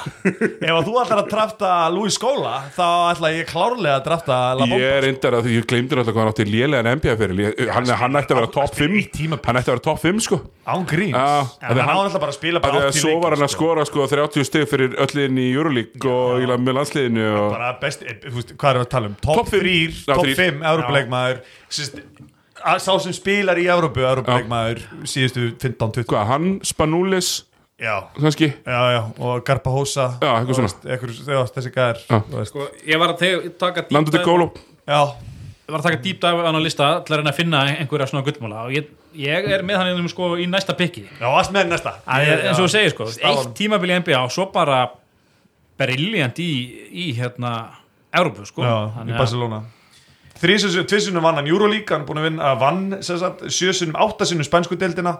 Uh, þú veist, mörgusinnum MVP vann, er búin að vinna gull, heimsmyndstara gull og Eurobasket gull tvisvar með, með spænska landsliðinu. MVP á Spáni, þú veist Euroleague MVP, bara já, name it. Hann er, hann er með þetta allt saman á fyrirskráni, þannig að en það sem hann er ekki með á fyrirskráni er, er rosalega góður NBA uh, spilaði sér 80 leiki með Memphis 2007, 2008 Uh, frekar slöku eða ég vil ekki segja frekar slöku umurlegu mennfisli 22-60 mennfisli þar sem að, að besti leikmaðurinn var Rudy Gay og Hvenær Kyle er er hann drafta þær? hann er draftað þessi 2002 frekar seint. Já, Já, hann er mjög neðlugist hann sko. Já, og hann spilar þetta eina tímabil með notable draft busts Já, eins og 40. Kwame Brown og, og Darko Milicic. Herru, hérna og öðrum geðsjúklingum eins og Javaris Crittendon Já, minna, ok hérna, Navarro á náttúrulega rosa feril. Það er annar hérna sem á rosa feril í, í hérna, í, í, í Európu Matti Áskas Já, Matti Áskars, hann er þetta líka. Gatsuric Já, það er alveg rosa rosalegir hérna í Európuleikmenn, já, en uh, það er kannski vippi okkur bara í sigir eftir Hörðu, ég er með tvö nöfn eftir á lista. Þess að ég, ég hef búin að raða hérna 14 munum upp ég ætla að fara þá í þann sem var hjá mér nummer 11, ég var með hann Carlos aðeins neðar. Það er maður sem var ekki draftaður var öndraftaður og er hann þá að spila í dildinni strangt og tekið hérna það er út af þess Haslem ekki? Jú. Nei, draftaður 2002 hann er, hann er sá sem er draftaður fyrsti ekki, af öllum sem er í deildin í dag. Já, hlýtur að vera, hann er eini sem er eftir. Einu sem er eftir úr 2002 Já, væntanlega. jú, og hann, hann, hann er undrafted sko. Já, já, ég segja, já. Hann er í þessum klassa Já. en hann er bara undrafted sko. Þetta er geggja Þetta er samt geggja pikk út af þess Haslem hann lítur að hafa verið svona 10-10 gaur eða þú veist 11-7 eða eitthvað svona. Allavega. Menn hann var starter hjá Miami Heat í 10 ár. Já, hann er sko, karýr er hann hvað, tæplega 8 tæplega 7 frákastum Já, er þetta 11 stig, 11 stig, 12, 10, 9, 8 bara svona, þú veist, solid gaur. Átó í short corner er hérna á tímabili Já, var með hann short corner baseline jumper mm. mjög lengi um, Já, hérna þú við, átt á hvað? 14. 14, já. áður en þú tekur síðasta. þú Ú, það eru nokkrir hana, Siggi, hvað ætlar að fara í? Sko, Spenna er, þetta er svona Þetta er svona, ma- ma- hérna, garbin, þetta er svona garbin, bargain bin, hérna í lokin. Það er bara svona allt er sett hérna í eina körfu og svo allt sett á 2 dólar og þú mátt fá allt. Þú veist, áður en þú pikka, þá maður kannski fyrir þá sem hefur ekki kynnt sér draftið, þú veist að leikmaður sem pikkaði nummer 2 spilaði eitt tímabil í deltinni og að bara hugsa, í slissi og bara búinn Já, væri þetta að drafta hann svona fyrir það sem hefði ekki orðið, sko J. Williams Nákvæmlega. En, Aldrei að kaupa ykkur mótihól Nei, nokkulega, það var að brjóta samning með að vera á þessu mótirjóli skil Já, var það, já Jú, hérna Monte Ellis gera það sama, hann lendi í svona moped slisi Já, Já, ok. og bara, og bara sektaður um öll liðinu sín. Herri, Ég kom með minga Hörru, ég ætla að drafta númer, uh, Þú ert að gera það blind, þú ert bara að velja númer 14. Nei, ég er, ég er með hugmyndir, sko.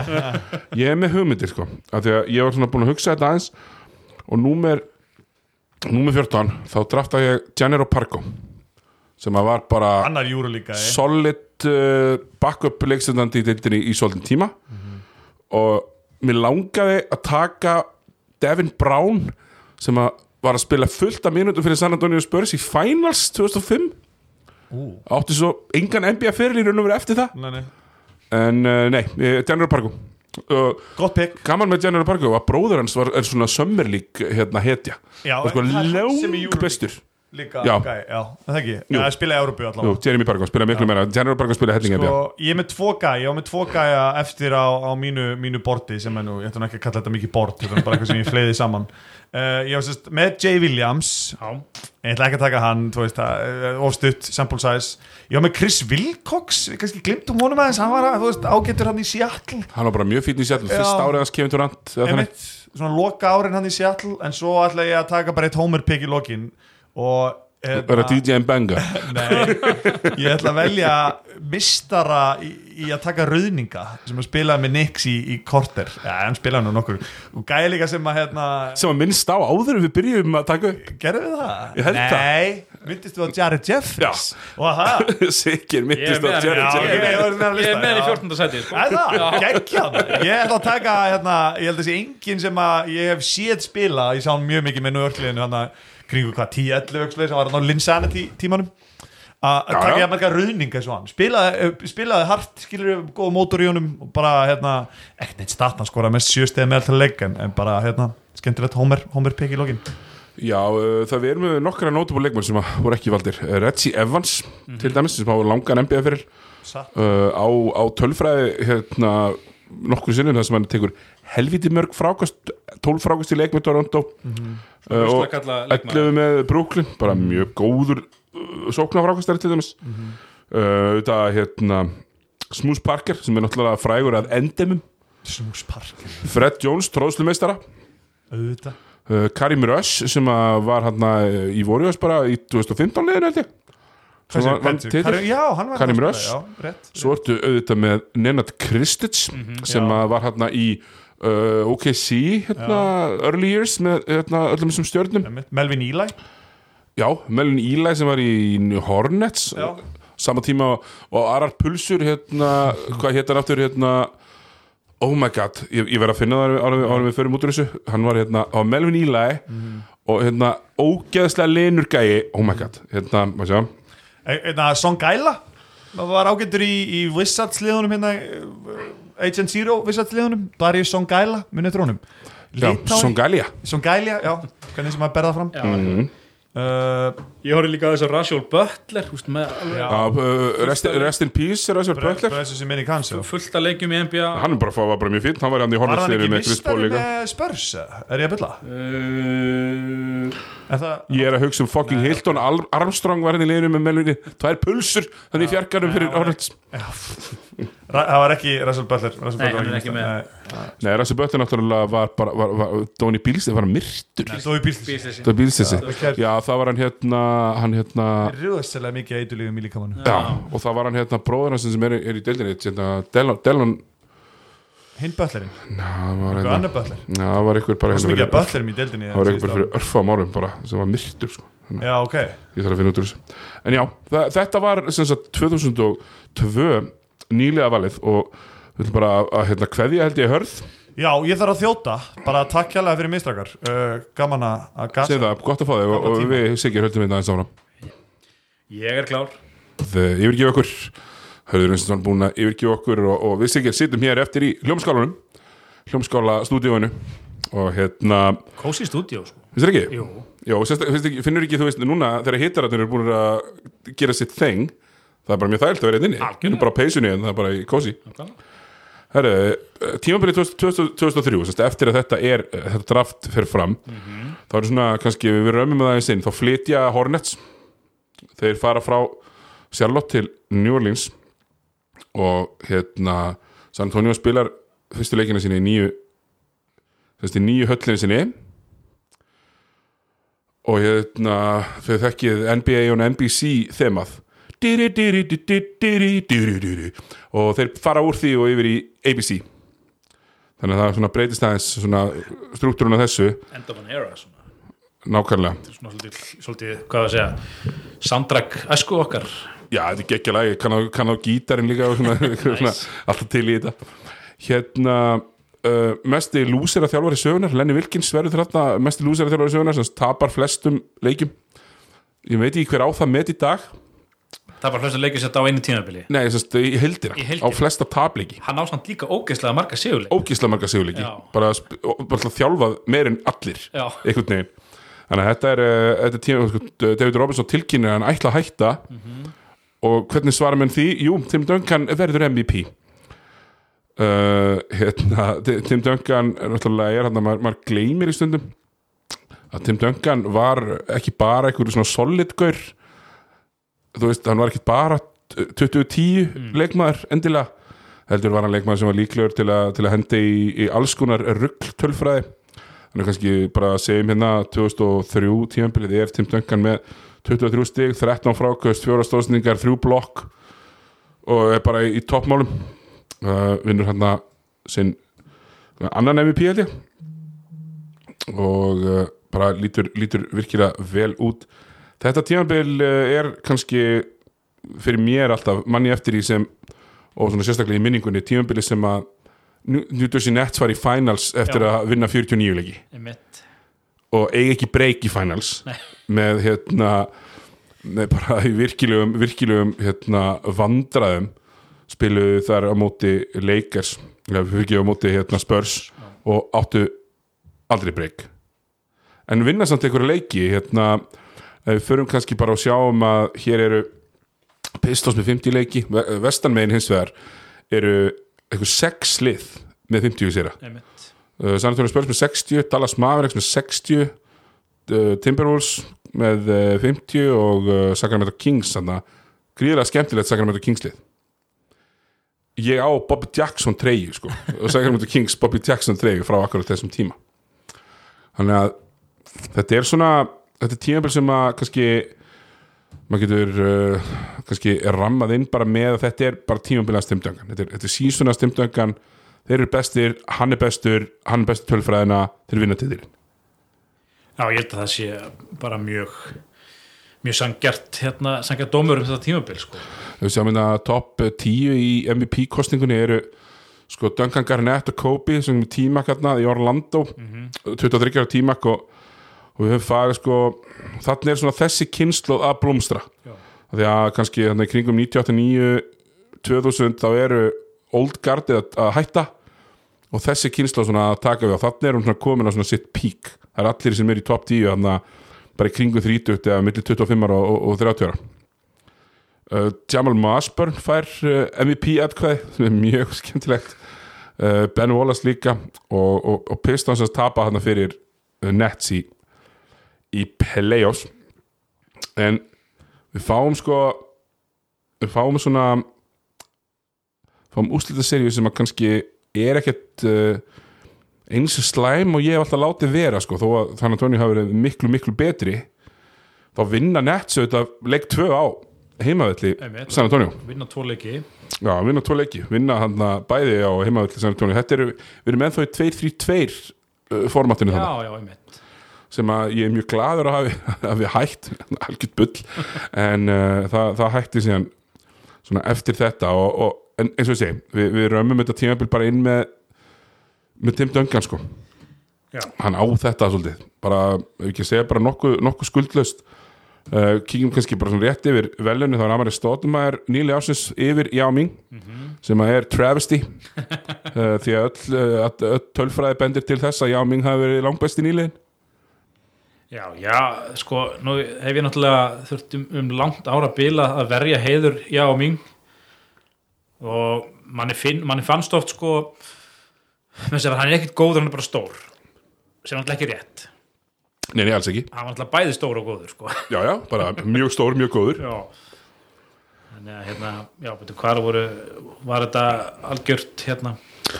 Hvernig, hvernig fór kostninginu með þetta nefnst aðra í, hérna, já, hún er, hún er bara mjög close hún er 59 hún, sem sagt, uh, hann fær sem sagt uh, 59 uh, sjá, hann fær 458 stig og Jaming fær 405 og svo er bara 179 karamböllir akkurat, og svo og aðrir minna eins og er alltaf sagt þegar það er að fara yfir svona. mun minna.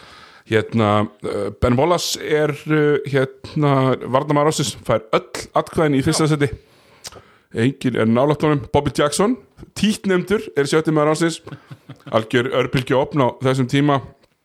Mjög prúft leikmaðurinn er Gilbert Arína sem fer úr því að vera bara einhver gaur í að gera bara mjög flotta hluti og mér finnst gaman að sjá hann að nummer tvö er, er, er hérna Júri Dess kongur.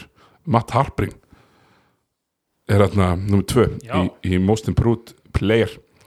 Þetta var svona, þetta season kannski kannski var menna San Antonio vinna sko 4-2 í fyrstu umferð 4-2 í annar umferð 4-2 í þriðu umferð og 4-2 í úslitum þannig þeir eiga þetta bara. Já, þannig að þú veist, fórum yfir þetta bara svona rétt á, á hundavaði, bara svona til þess að minnast á svona samengi við draftið, en við ætlum að snúa aftur til nútímans. Og uh, stjörnuleikurinn er á næsta leiti, hann er 7. mars og hérna hann uh, er uh, mörguleiti mjög hérna svona má, maður ekki bara segja umdildur jú, algjörlega sko.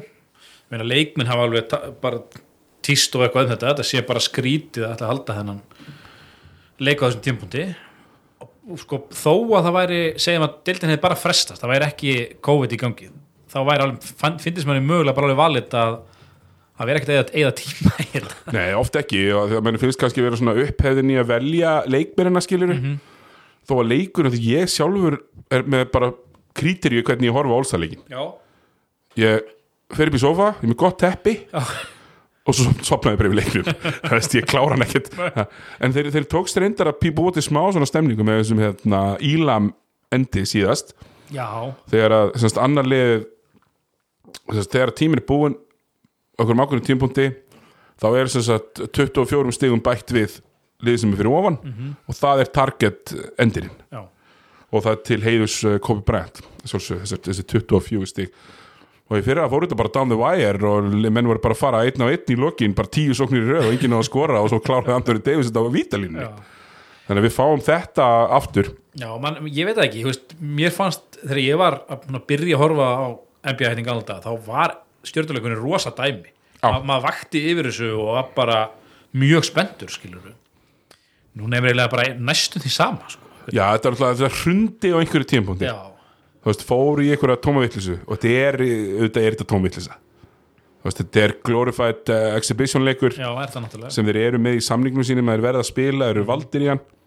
En á sama tíma þá auðvitað takaði menn sem mis alvarlega sem Jimmy Butler sem var valin hérna fyrir þremur árum var, bara, bara, var það þunnur og hann spilaði ekki í leiknum þú veist, það, það var bara spilaði 0 mínútur það er ógeðslega fyndið og hérna hafði bara verið á það góðu djammi daginn áður en í, í ára verður ekki djam það eru engin events, engin partí Já. það er bara leikurinn og ég hef mér minnir að sko, það sé þryggjast að kemni í háluleik eða fyrir að bríkjum eitthvað þannig sko. Og mann fannst þeim þú veist, þryggjast eða kemni var alveg bara eitthvað sem maður var bara hæpaður yfir sko. Já, mér finnst það ennþá svona eiginlega skemmtilegast eventið sko, Já. Af því að þú, það er bara með þess að það er pjúr skittur að skjóta. Æmitt. og það er, það er ótrúlega gaman að sjá það svona hvernig er velja að setja rekkana sikkur með við sig Einmitt. eftir hvori með með þú veist betra að halda boltanum sko. Já, en það er, það er mjög gott. En hérna við kannski veljum bara sagt fimm byrjulismenn til að byrja með. Þannig að þú kannski gefið mér bara þína fimm byrjulismenn og uh, svo kannski svo, svo gefið þér mína og svo förum við bara kannski svona sitt á hvað í, í hérna við byrjum kannski bara á austrinu og förum svona sitt á hvað í, í, í hérna eh, leikmennina sem að fara á bekkin sem Já. er svo sjö leikmenn á bekknum þurfum við ekki að velja er ekki einhver hlutvelli bakkort og frontkort Jú, það eru sem sagt uh, bakkort 2 og frontkort 3 í Ok. byrjunleginu og svo í, á bekknum eru tveir bakkort, uh, þrýr frontkort og tveir valdkart Hvað svo, by- byrja á austurinu? Uh, Byrjum á austrinu, já. Já, það veist mér nú ekkert skrítið að setja Kevin Durant fyrstan þar inn. Nei, Kevin Durant er bara 100% þar. Er, Hann er þá frontkort uh, leikmaður Já, og svo vorum við svo sem aðeins að tala um tímabilið hjá hérna honum Giannis hérna áður en við byrjuðum að tala. Hann byrjuðum að taka upp. Hann ætlaði að sína eitthvað fáralegt tímabil sko. Við erum svo sem hann rætt um okkur á milli um hérna svona pínu one man show hjá honum í Buck sko en, en það er alveg 100% held ég að hann fari inn í þetta lið sko. Já, þetta er klart uh, svo er svona spurning með þriðja sko, hvort að það, er þá væntalega en bít ég held að Já, klart sko, býtir með 32 í PR og, og er- eru liðin sem er í efsta já, ég held að það sé Það er bara búin að besti leikmaðurinn í östöldinni eiginlega í, í, í, í vera heila. Já, ég held að það sé ekkert óeðlilegt. Þannig að þá erum við með sko, þá erum við með Embiid, Durant og Jannis í frontcourt Ég, ég er fullkomlega sammála því, ég var með þá, líka, þá þrjá líka. Já. En svo vandast máli pínlítið með bakvartinn með bakvörðin sko. Já. af því, að, af því að hérna liðans bralli bíl er alltaf að tapa svo mikið. Nákvæmlega og hérna hann var valinn sem, sem backcourt starter uh, núna, þú veist hann og, hann og Kari Örving eru backcourt starterannir en ég nenni ekkert að pæla í þessum loserum sko. Ég er yfirleitt með reglu að ég vel einn loser í tólmannalið, einn sem er með eitthvað alvöru taprekord. Svona ef þú ert rétt við 50% þá sleppur það svo sem skiluru já, en uh, ég ætla bara að taka James Harden já, sem er búin að vera geggjaður fyrir uh, Brooklyn.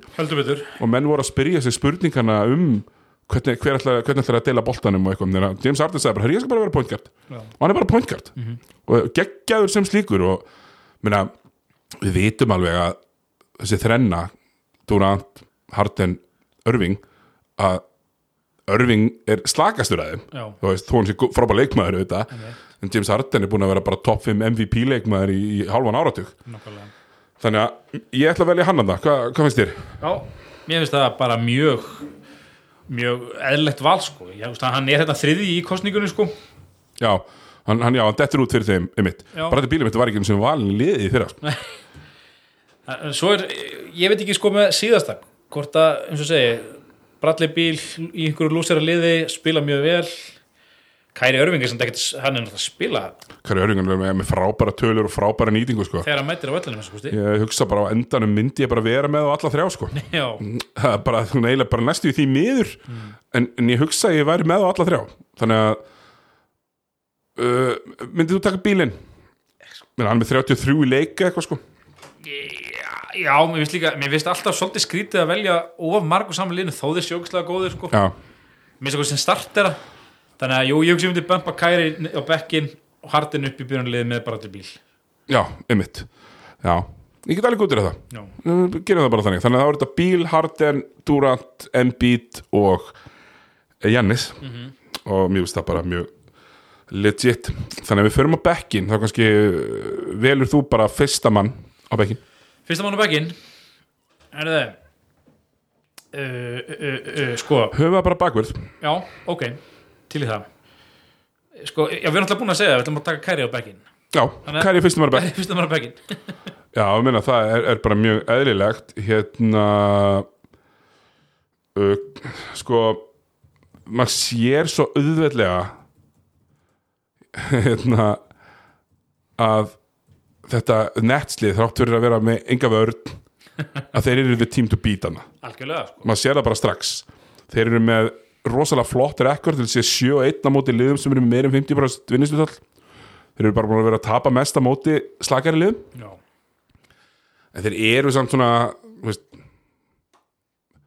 þetta eru, eru þrýr endakallar í liðinu. Já nákvæmlega. Allir þessi þrýr leikmenn geta bara tekið leikinn og Já, klá og þú treystir þeim öllum í fjóraða Já. Og hérna, þú veist, maður geta alveg sagt sitt um uh, James Harden í úslæðikeppninni hinga og þanga en í regular season og, og í raun og verið að skoða tölutina í úslæðikeppninni þá reyndar myndur ekkert endilega að vera að segja þetta sko. En Kari Örving er með 28 stig hérna, 5 frákast og, og 5 að hóla stóðsningu skjótandi sko 50, 43, 89,9 sko.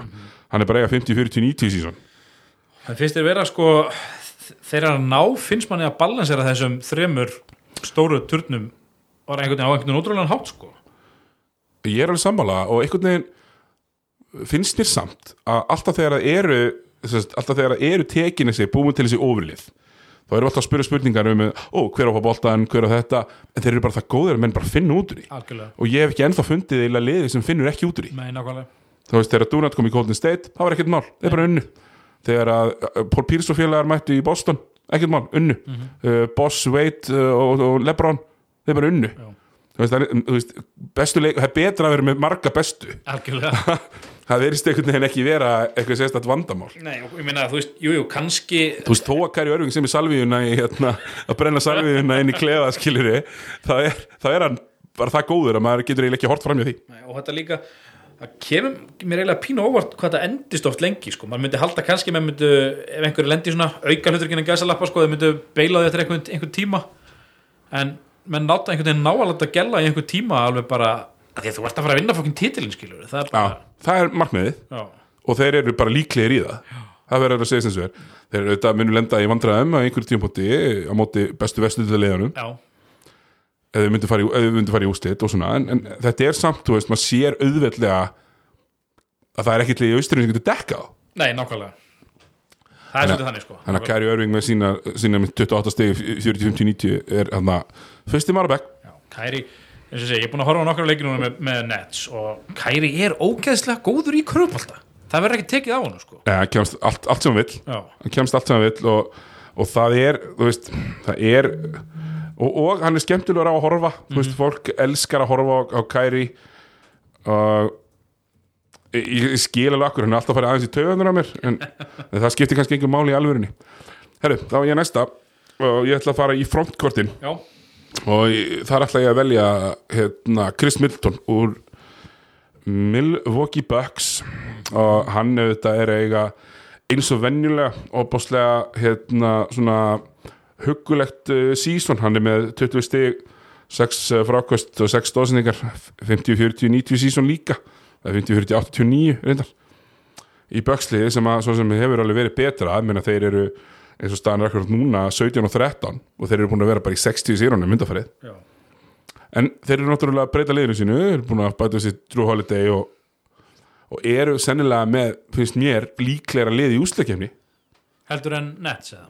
Nei, heldur þeir hafa verið með já, já, já, já, já, einmitt. Já, þeir, þeir lendu pínu á veggi fyrir að fassmanni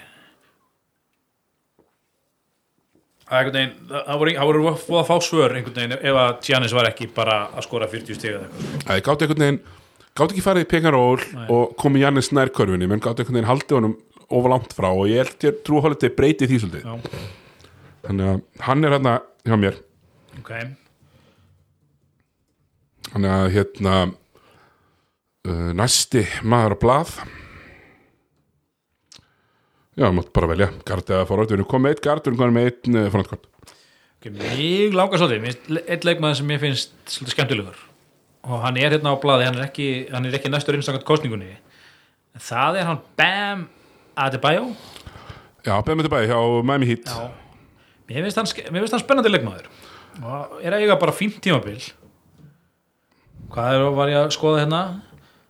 Hann er með já, 20 stíleik og 10 eða 9 frákost já, og bara fínn, uh, auðvitað með nokkra stóðsninga líka. Af því að hann er bara helviti fínn playmaker. Já. ég lísti leik með honum um daginn þegar voru að spila við þeim mitt uh, Já, og, og hann Nei, ég móti, ég móti hérna Nets þegar Jimmy Butler var ekki með. Og hann var bara með 40 stig og 13 frákvöst og 7 stóðningar eitthvað, hann er bara orðin virkilega, virkilega góðu leikmar hann alltaf vinnur þetta leik í playoffs í fyrra með blokki þegar þetta er svona teitum allar að hamra niður einmitt. og hann er komið með hendina sko hálfaleg ofan í ringin í blokkinu sko, þetta er Já. alveg geðveikt blokk.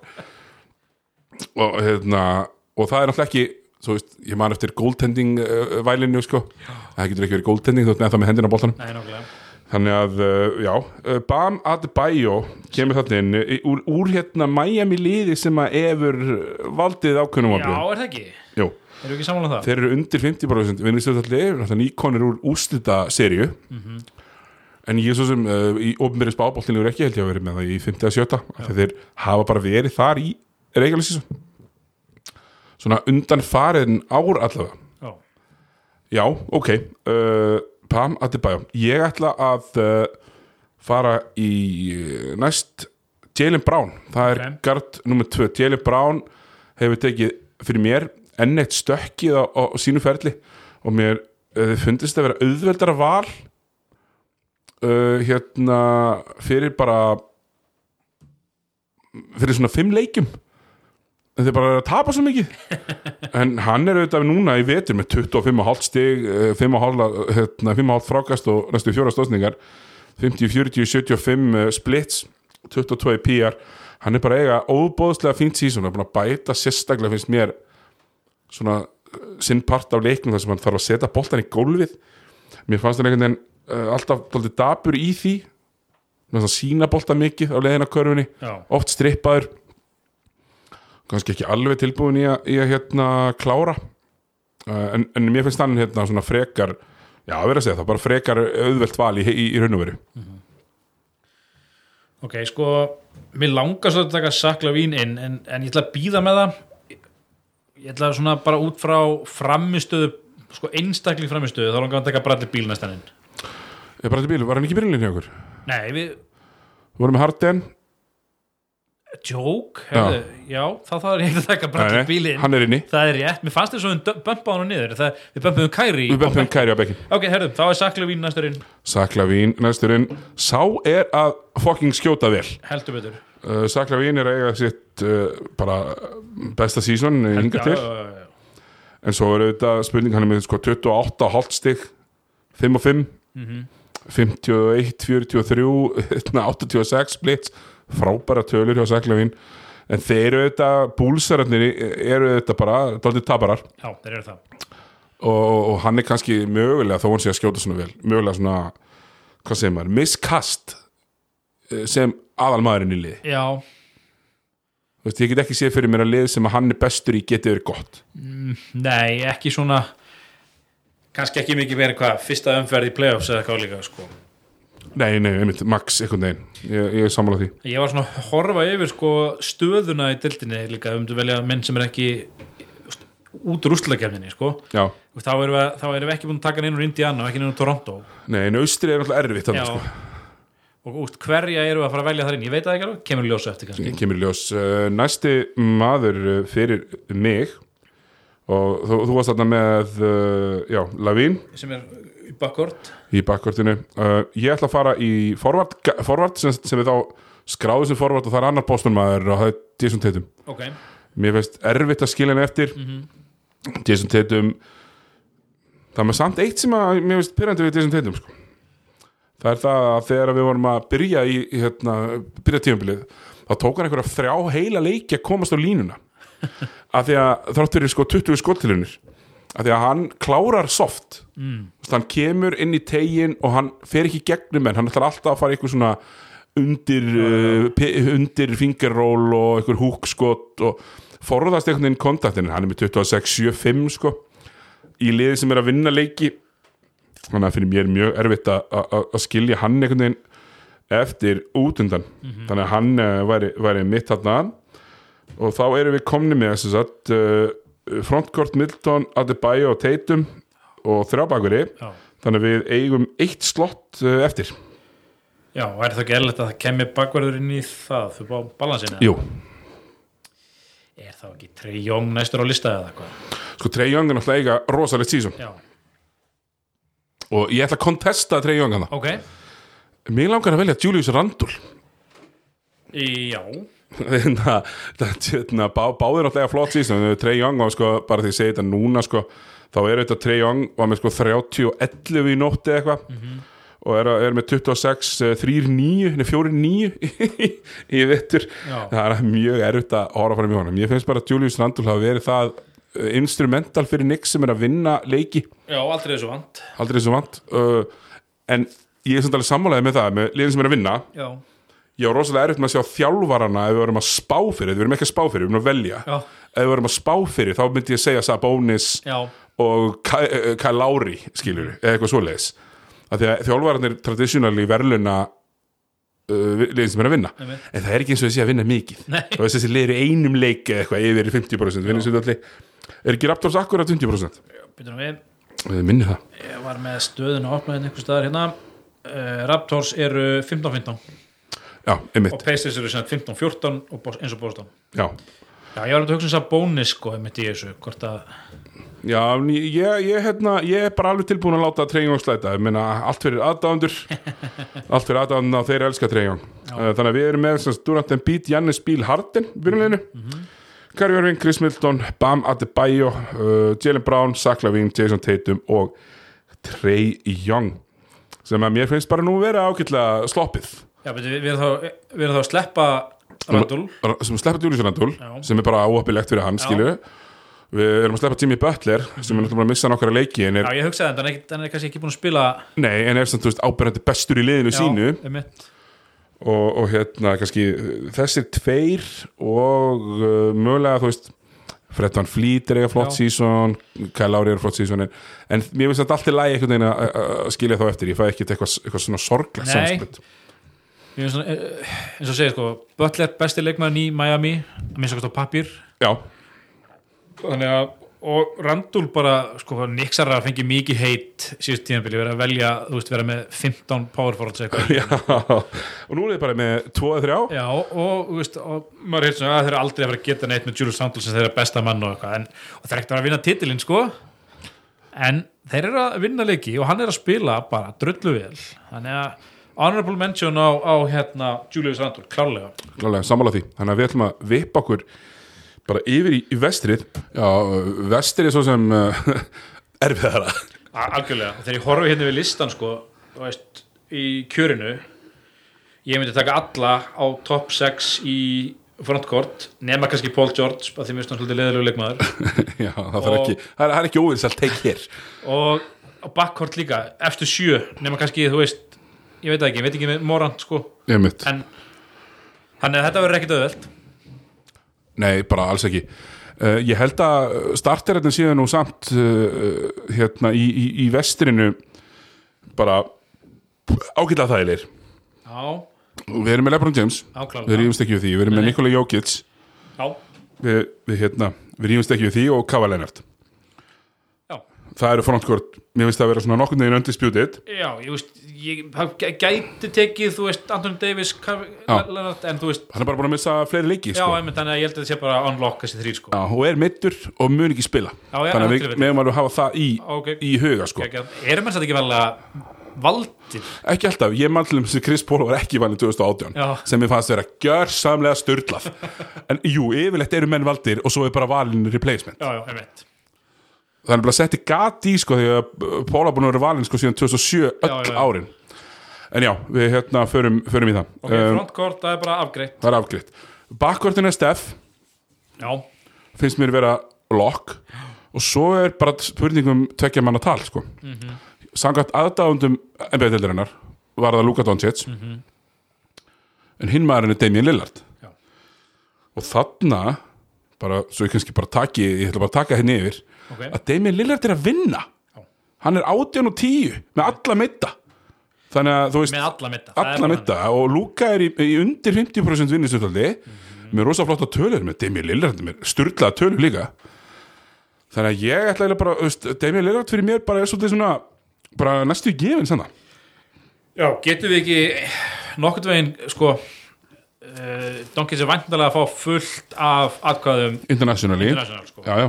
bara út á það uh, Ég sá nokkra leikjum með Dallas í byrjun tímabils, þá virkaði Luka bara í mjög vondu formi. Ah, bara þippin, þá bara virkaði bara þippin. Hægur. Að hægur ekki farið hérna, í klippingu lengi og var bara já, hann bara svona sjúskaður. einhvern helvits híjung já, Þannig saman að að því. var og þú ættir að vita það og skrifa náttúrulega rítgerum skegg á sínum tíma. Skeggfræðingurinn Sigir Já, sko ég er, sko uh, ég hef náttúrulega ekki góðar minningar af samskiptum Houston Rockets og Damian Lillard- Lillard. Nei, heilileg ekki. En þú veist, ég verð bara að virða það segir, hann er að vinna og hann er ógeðslega góður, sko.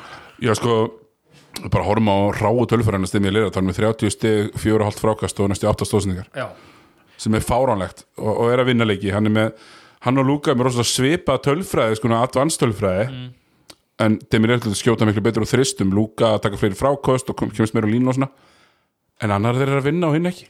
Þannig að það er kannski tæbreykar, já, við bömpum Lillard upp í byrjunlið ég held bara, við getum sammála það held ég. Nákvæmlega. Þannig að uh, þá kannski tek ég bara fyrsta manna back, Já. Luka Doncic.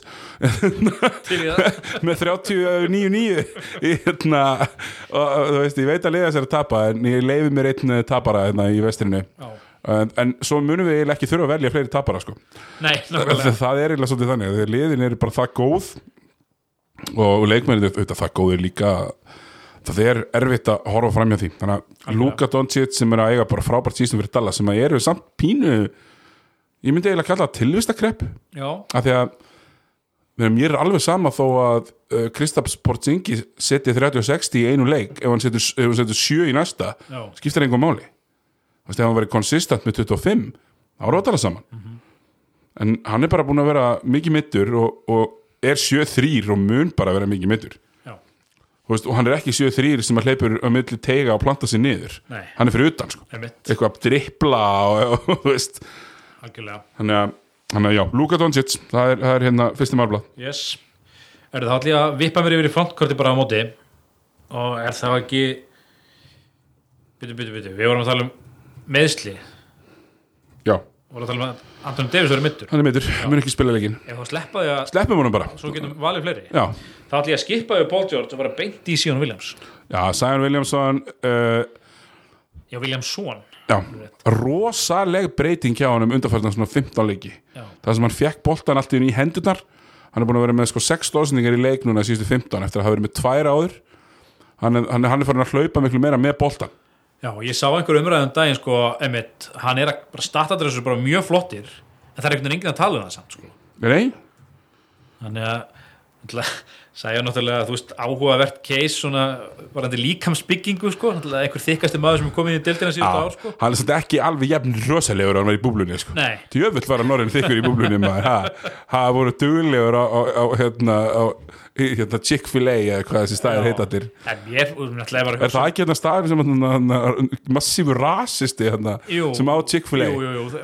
Eða þú veist, rassisti eða hommahatar Já, eitthvað svona já, og, trö- og, og þetta Trump Donor. Það var kortur í að vera bara Chick-fil-A væri cancelled, en maturinn þykir svo góður að það, það koma til, til, til greina að fyrir alvöru held Herri, ég er með smá sögu hérna, ég, fór á Chick-fil-A í uh, Dallas. Okay. ég finnst það var gista í, í hérna, svona útkverri sem heitir Addison og það var að Chick-fil-A bara svona down, down the street frá hótelinu mínu. En þeir sem hafa komið til bandarækjana sérstaklega kannski til Texas þá vittar að vegalindnar eru náttúrulega fáranlega því að það er engin fjölbýlishús. Það er bara eitt, einn hlutur í hverju húsi og það er, þú veist, þessi Beltline Road sem ég var við er, er þú veist, 1400 húsi eða eitthvað við, göttuna þannig að Chick-fil-A var svona tímyndan lapp og það lappar enginn, ég heitti aldrei neitt lappandi nema Nei, sjálfana svo tók ég strætó einu sinni, ég var einn í strætó. Svo var ég einn í lestinni, það var bara mjög fyndið. Menn bara keira og ég var bara mínum restina af tímanu var ég bara mínum Dodge Voyager eða eitthvað hvað þetta hét, þarna sjömanabíl einn, kostaði sko, ég manni hvort það var einn dollari meira á dag heldur en að vera sedan. Já, og ég sá svona einn sedan allan tímanum minn í Texas, allavega. Fór ég hérna á Chick-fil-A og bara, við erum búin að heyra nefnilega um þetta því maður er hérna í NBA lesið mikið á Reddit og eitthvað svona. Og þá er talað um þetta oft, Chick-fil-A In-N-Out Burger og eitthvað svona alls konar. Og ég fór hérna á Chick-fil-A og, og hérna panta mér bara, bara standard kjúlingaborgaran skilur bara fyrir hérna í, bara mjög basic hluti og restina tímanum var ég bara í djúbu barbecue bara svo við höfum það á reyna ég var hálft brisket þegar ég kom heim. Og þeir eru með svona skrýtnar tomatsósur maður á sko að maður á ekki að þurfa að, píla heldur bara að kreista strax. Og þá opnast bara svona og þú bara geta kreist þetta niður. Ok. það, það er eitthvað svona sérstök hönnun. Og ég er hérna ég er hérna í hvað, átta nætur. Og er semst bara ákveða það, ég fór bara með handfangur til að spara peninga skilur en það var vá er með algjörd grín, þú veist ég held að það kostar með 45 skall fram og Já, já. tilbaka til Dallas beintflug ég var með fjögur sæti í vélinni báða veist, bara engin að það og það voru síðustu flugin sem voru flugin þú veist, uh, til Dallas og ég fer tíkulega og mitt, er þetta með Thomas er, að- að reyna að hann á franskandar og svo opnast vitlis með hann og spreyðast allt yfir ah. og ég er með þú veist tvo bóli samtals í ferðinni þetta var alveg glata sko. en góð maður, fínt maður sko. já, það er einmitt sko hérna, mákanum í bjóðum í New Jersey þess vegna er ég búin að fara mjög mikið til bandaríkjana undir ár. Já, og það er bara illa að séð að fólk sé eitthvað að labba, bjóðum einmitt í svona útkverfi út bæ einhverjum svona og það eru ekki gangstjættar þú veist, það eru, það eru, það er minni kílómetri í skólan hjá stráknum hennar það er bara, þetta er að labba, þetta er eitthvað klikk það er engin lappa og ferð í skólabílin Já. sem fa fara sko í þremur hollum yfir morgunin, þetta ná í alla já, sko, já, beina línu milli þau. Já, nákvæmlega. Klikkun sko. Uh, ég maður sko að þetta var svona vegurinn sem við varum það við var fjórar akkurinn í baráttir. Ekki sérstaklega mikil umferð en samt fjórar akkurinn í baráttir. Og það var svona gönguljós nálagt og sport bara hinn með gunduna sem, sem ég vildi fara á. Og það var náttúrulega svo geggja moment sko. Ég fór á sportbar var þarna búin að drekka nokkra bjóra og, og þá, þá semst, var sérstaklega kom bara pílagrísferð til að fara að horfa á Houston ætla að horfa á Chris Paul, minn mann og hann ætla að í slaga mútið leikir svo er í banni Alveg, og er ekki í svona vellinum þegar ég veit allavega þá er ég hérna á þessum sport en til þess að koma á þessum sportbar sem þetta að fara, ég verður þess að götu. Og ég ítti svona á takan gunguljósatakkan og bara kom aldrei. Og ég man eftir það er þetta eitthvað ljósatna við uh, ringbrautina eða eitthvað það sem eitthvað er búin að líma svona limmiða það þýðir ekkert að ít á takk það kemur aldrei og þetta mér leið svona og dær, dær eftir þá fór ég aftur að horfa leiki þarna og drekka bjóra því að nú hérna er kannski að tala, tala af mér hérna það mútti reykja inni sko Texas og hérna fór að nefna, ætla að fara, og ég kerði bara ég kerði bara yfir á barinn og svo, svo fór ég yfir, yfir hljópi yfir göttuna um, um, um nóttina sko. en ég kerði á barinn sko, þú veist, 20 metra sko. en ég þurfti að keira svona 150 metra já. Þannig að þetta er, er, er náttúrulega algjör djók e- eins og þetta er. Er þetta ekki, var þetta ekki hérna leikurinn þar sem að Rondo og Chris Paul lendi í einhvern slagsmólu Jó, Rondo, já, hún góður hrækt hérna. framann í og alltaf frétta sko. Og svo fer ég því ég, ég, ég var að mæta sko á flottan Utah Jazz Rockets leik í Houston sko í Toyota Center sem að Utah unni bara ágætlega þægilega sko þó að Harden hefur unnið mínútundar sínar þá voru þeir náttúrulega búin að búa til systemið og annar þeirra var inn á já, allan tíman Herru, já. Já. þannig að ég á þá þriðja mannin Yes, uh, ég hugsa að ég fari í uh, Rúdi Gobert. Já, Rúdi Gobert búin að vera besti maðurinn í besta liðinu í vestrinu. Er að eiga bara óbásla flott sísun hættur að væla. Sem að, þau í alvöru, þú veist það skiptir máli að vera ekki endalaust að grenja yfir ég fá ekki boltan að það eru bara betri menn að vera með boltan hann getur svo bara verið ykkur klínu hlutverki og verið besti byrður þannig að hann er minn maður hann að uh, þriði maðurinn inn á bekkin uh, Rúdi Gobert. Ok. Sko, ég sé að hér í kjörinu er minn maður Kristján Wood áttundi. Og ég hugsa að ef að Rockets hefði ekki tapað þessu sjöleiki mjög ef þið verið nála 50% Já. þá var hann nála til að vera nynni Þa, þá væri að vera ég að fara að velja inn en ég er ekki þú getur eiginlega ekki rétt þetta núna. Nei, nei, nei, nei, ég ætla nú ekki að hómera mig alveg hérna í þrótt sko. En þú varst að taka Góber en ég er spóið að hoppa yfir í bakkortin já, og ég hugsi taki þá bara Donovan Mitchell félaga Rúti Góber já, þeir, þeir vinirnir. Þeir vinnindir Já, Donna Mitchell 24-5-5, eitthvað svolítið 24-4-4 uh, er eitthvað hörku fínt sísón uh, besti skorarinn í liðinu sá sem að er verið að dekka í lokin, þú veist í fjóruleikulta það er leikmaðurinn sem að hinliðin fókus er á. Og maður þurfti eiginlega að velja sko, ég er nefnilega gati eiginlega ekki ákveð sjáum hvernig við förum með þetta en ég gat, þú veist, ég þurfti eiginlega svona velja á milli þess að vera með hann eða Mike Conley ég Já. get eiginlega alveg sagt að Mike Conley hef átt betra sísón en Mitchell er bara betri player sko. Já, og, og eins og með Sion sko, veist, þetta er flassi leikmaður skilur Já, það er gaman að horfa á hann það, þú veist, hann, er, hann er að örglega að fara að taka einhverja loftfimleika og, og hérna regnbú og skot og eitthvað svona eins og leik sko. Þannig að ég á Donovan Mitchell fyrir inn. Donna Mitchell er okkar fjóruði maður á bekkin hvað er það þrjá eftir. Það hefur við þrjá eftir. Okay. og uh, uh, ég ætla nú ekki að leita langt yfir skamt það er Chris Paul, Já, með grunað það. Búin að vera langbæsti leikmaður Phoenix Suns sem eru í 5. setinu 18 og 10, jafngóðan uh, jafngótt vinningslutall og um, uh, Portland. Phoenix Suns er enn eitt liðið sem að Chris Paul gjörsanlega snýr við. Uh, finnst það býnum svo skemmtilegt í retirement tour að að fara bara á milli liða og henda þeim í play-offs sko að þegar ég var hann skítrættur um að ég, ég verið að játa það sem er mikil, bara mesti Chris Paul Stan örglega allavega hins vestrana heims. Já, ég var hann skítrættur um þegar hann treytað til OKC þetta væri bara svona purgatóri í rugg þá var náttúrulega þetta frábæra season hann í fyrir, All-NBA, second team og All-Star og allt. Og heldur því bara áfram Menna, hann er bara með, hann er með í- í síðustu tíu leikir, hann er bara 20 stig og 11 stóðsningar og hérna liður að vinna nýju síðustu tíu og Devin Booker uh, er ágætur en það er bara eitt konkur í þessu liði og það er Chris Paul, þannig að hann er minn maður hann númer ég skil alveg okkur að elska Chris Paul svona mikið. Menna, hann er bara frábær leikmaður. Að mér er svo gaman, ég er svo gaman að þessu elementi að, að hérna uh, fyrstu þrjá leiklutana er hann bara að leita mönnunum. Já, fyrstu þrjá leiklutana þá passar hann að allir séu í rytma og svo fer hann og ætlar að drepa því fjóra já, og í reykjulega sísón virkar það rosalega vel en hann hefur lendið út í vandræðum í play-offs þá þarf eiginlega sá sem er bestur í liðinu að að vera bestur. vera bestur allan tíma Já, já, og hann er með difförraði þú veist í Blake Griffin lengi já, og svona þessi, þessi og David West á sinu tíma. Já og svona difförrar einhvern veginn á vittlusum augnablikum og þá kemur einhvern veginn þessi pass first persónuleiki of mikið í ljós. Þegar þú veist það er kannski betra skot að Chris Paul taki feita við tvist með mann í grillinu Já. heldur en að Michael Bridges núna sem er opinþrist en hann bara getur ekki séð þetta. Jú, jú, hann átti náttúrulega bara að verða meistari með Rockets. Þeir hefur verið meistara sko. Ég er, bara, ég er 100% ég, sko. ég er líka því að þetta klíflandið gæti ekki raskat sko Nei, sem þeir hefðu mætt í úrslutum en það þýðir ekki að velta sér upp úr því. Nei, þú veist, við vitum alveg hvernig NBA virkar. Þú vinnur titil eða þú ert loser já En ég er bind ennþá búin, hann er það góður ennþá að ef hann vinnur titil úr þessu já, þá verður það ekki sem Gary Payton hérna, það verður ekki Gary Payton titil skilur, það verður mögulega Craig Drexler titil. Já, Þannig að það við hefum þá tvo eftir en þú átt á sjötta mannin yes. Á bekkin og Chris Paul er á besta aldri við erum jafn gamlu sko. Já, Krispur 36 ára, ég meina, hann er topp 15 maður í deildin ennþá.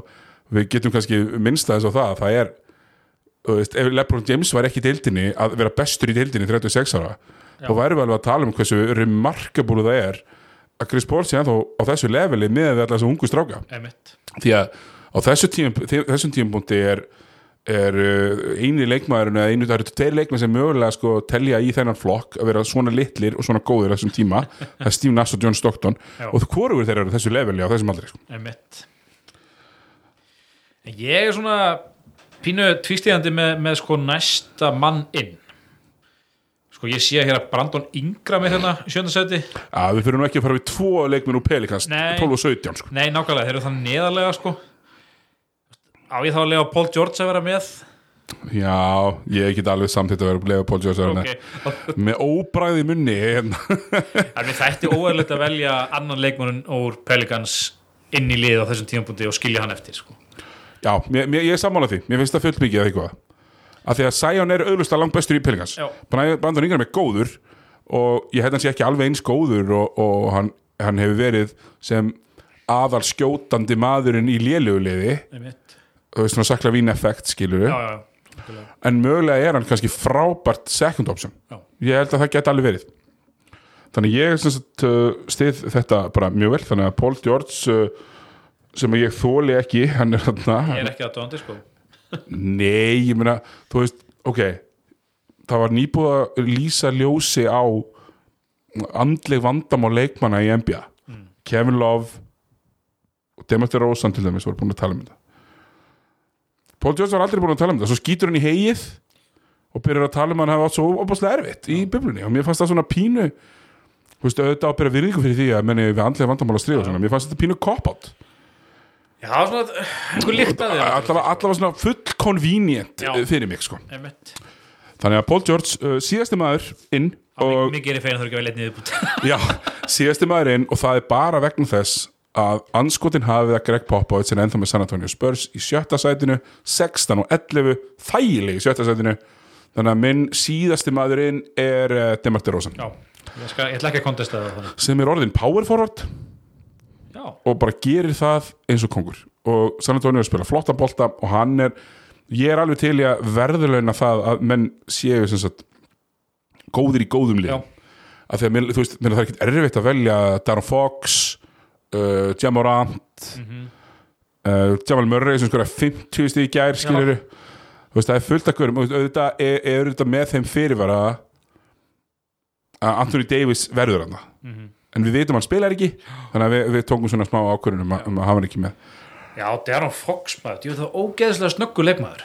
Já, alveg fáránlegur sko. Fáranlega Já, fáránlegur og elskar að spila í klötsinu. Mér finnst það svolítið sexy, þú veist, menn sem að bara þrýfast á því að, að hérna, spila í, í erfiðum jöfnum leikjum. Það er mjög skemmtilegt.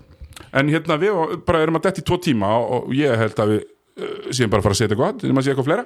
Nei, þetta er þetta ekki bara búið að vera helviti gott ég hef búin að fara yfir ansi margt. Já, við erum völl, við hann völl, hvað ég sagt. Og í tíma alveg hingað og þangað og hérna, nákvæmlega. Nei, ég held að þetta allir geta fundið eitthvað fyrir sinn snúð í þessum þætti. Nákvæmlega, herru, ég fer til að þakka fyrir sig eh, Sigir, takk kjærlega fyrir mig. Takk fyrir mig Hérna, bóttinlegur ekki verður aftur með ykkur í vikunni með eh, tölfræði analýsu Dominos og eh, mögulega ávendum gestum. Takk fyrir.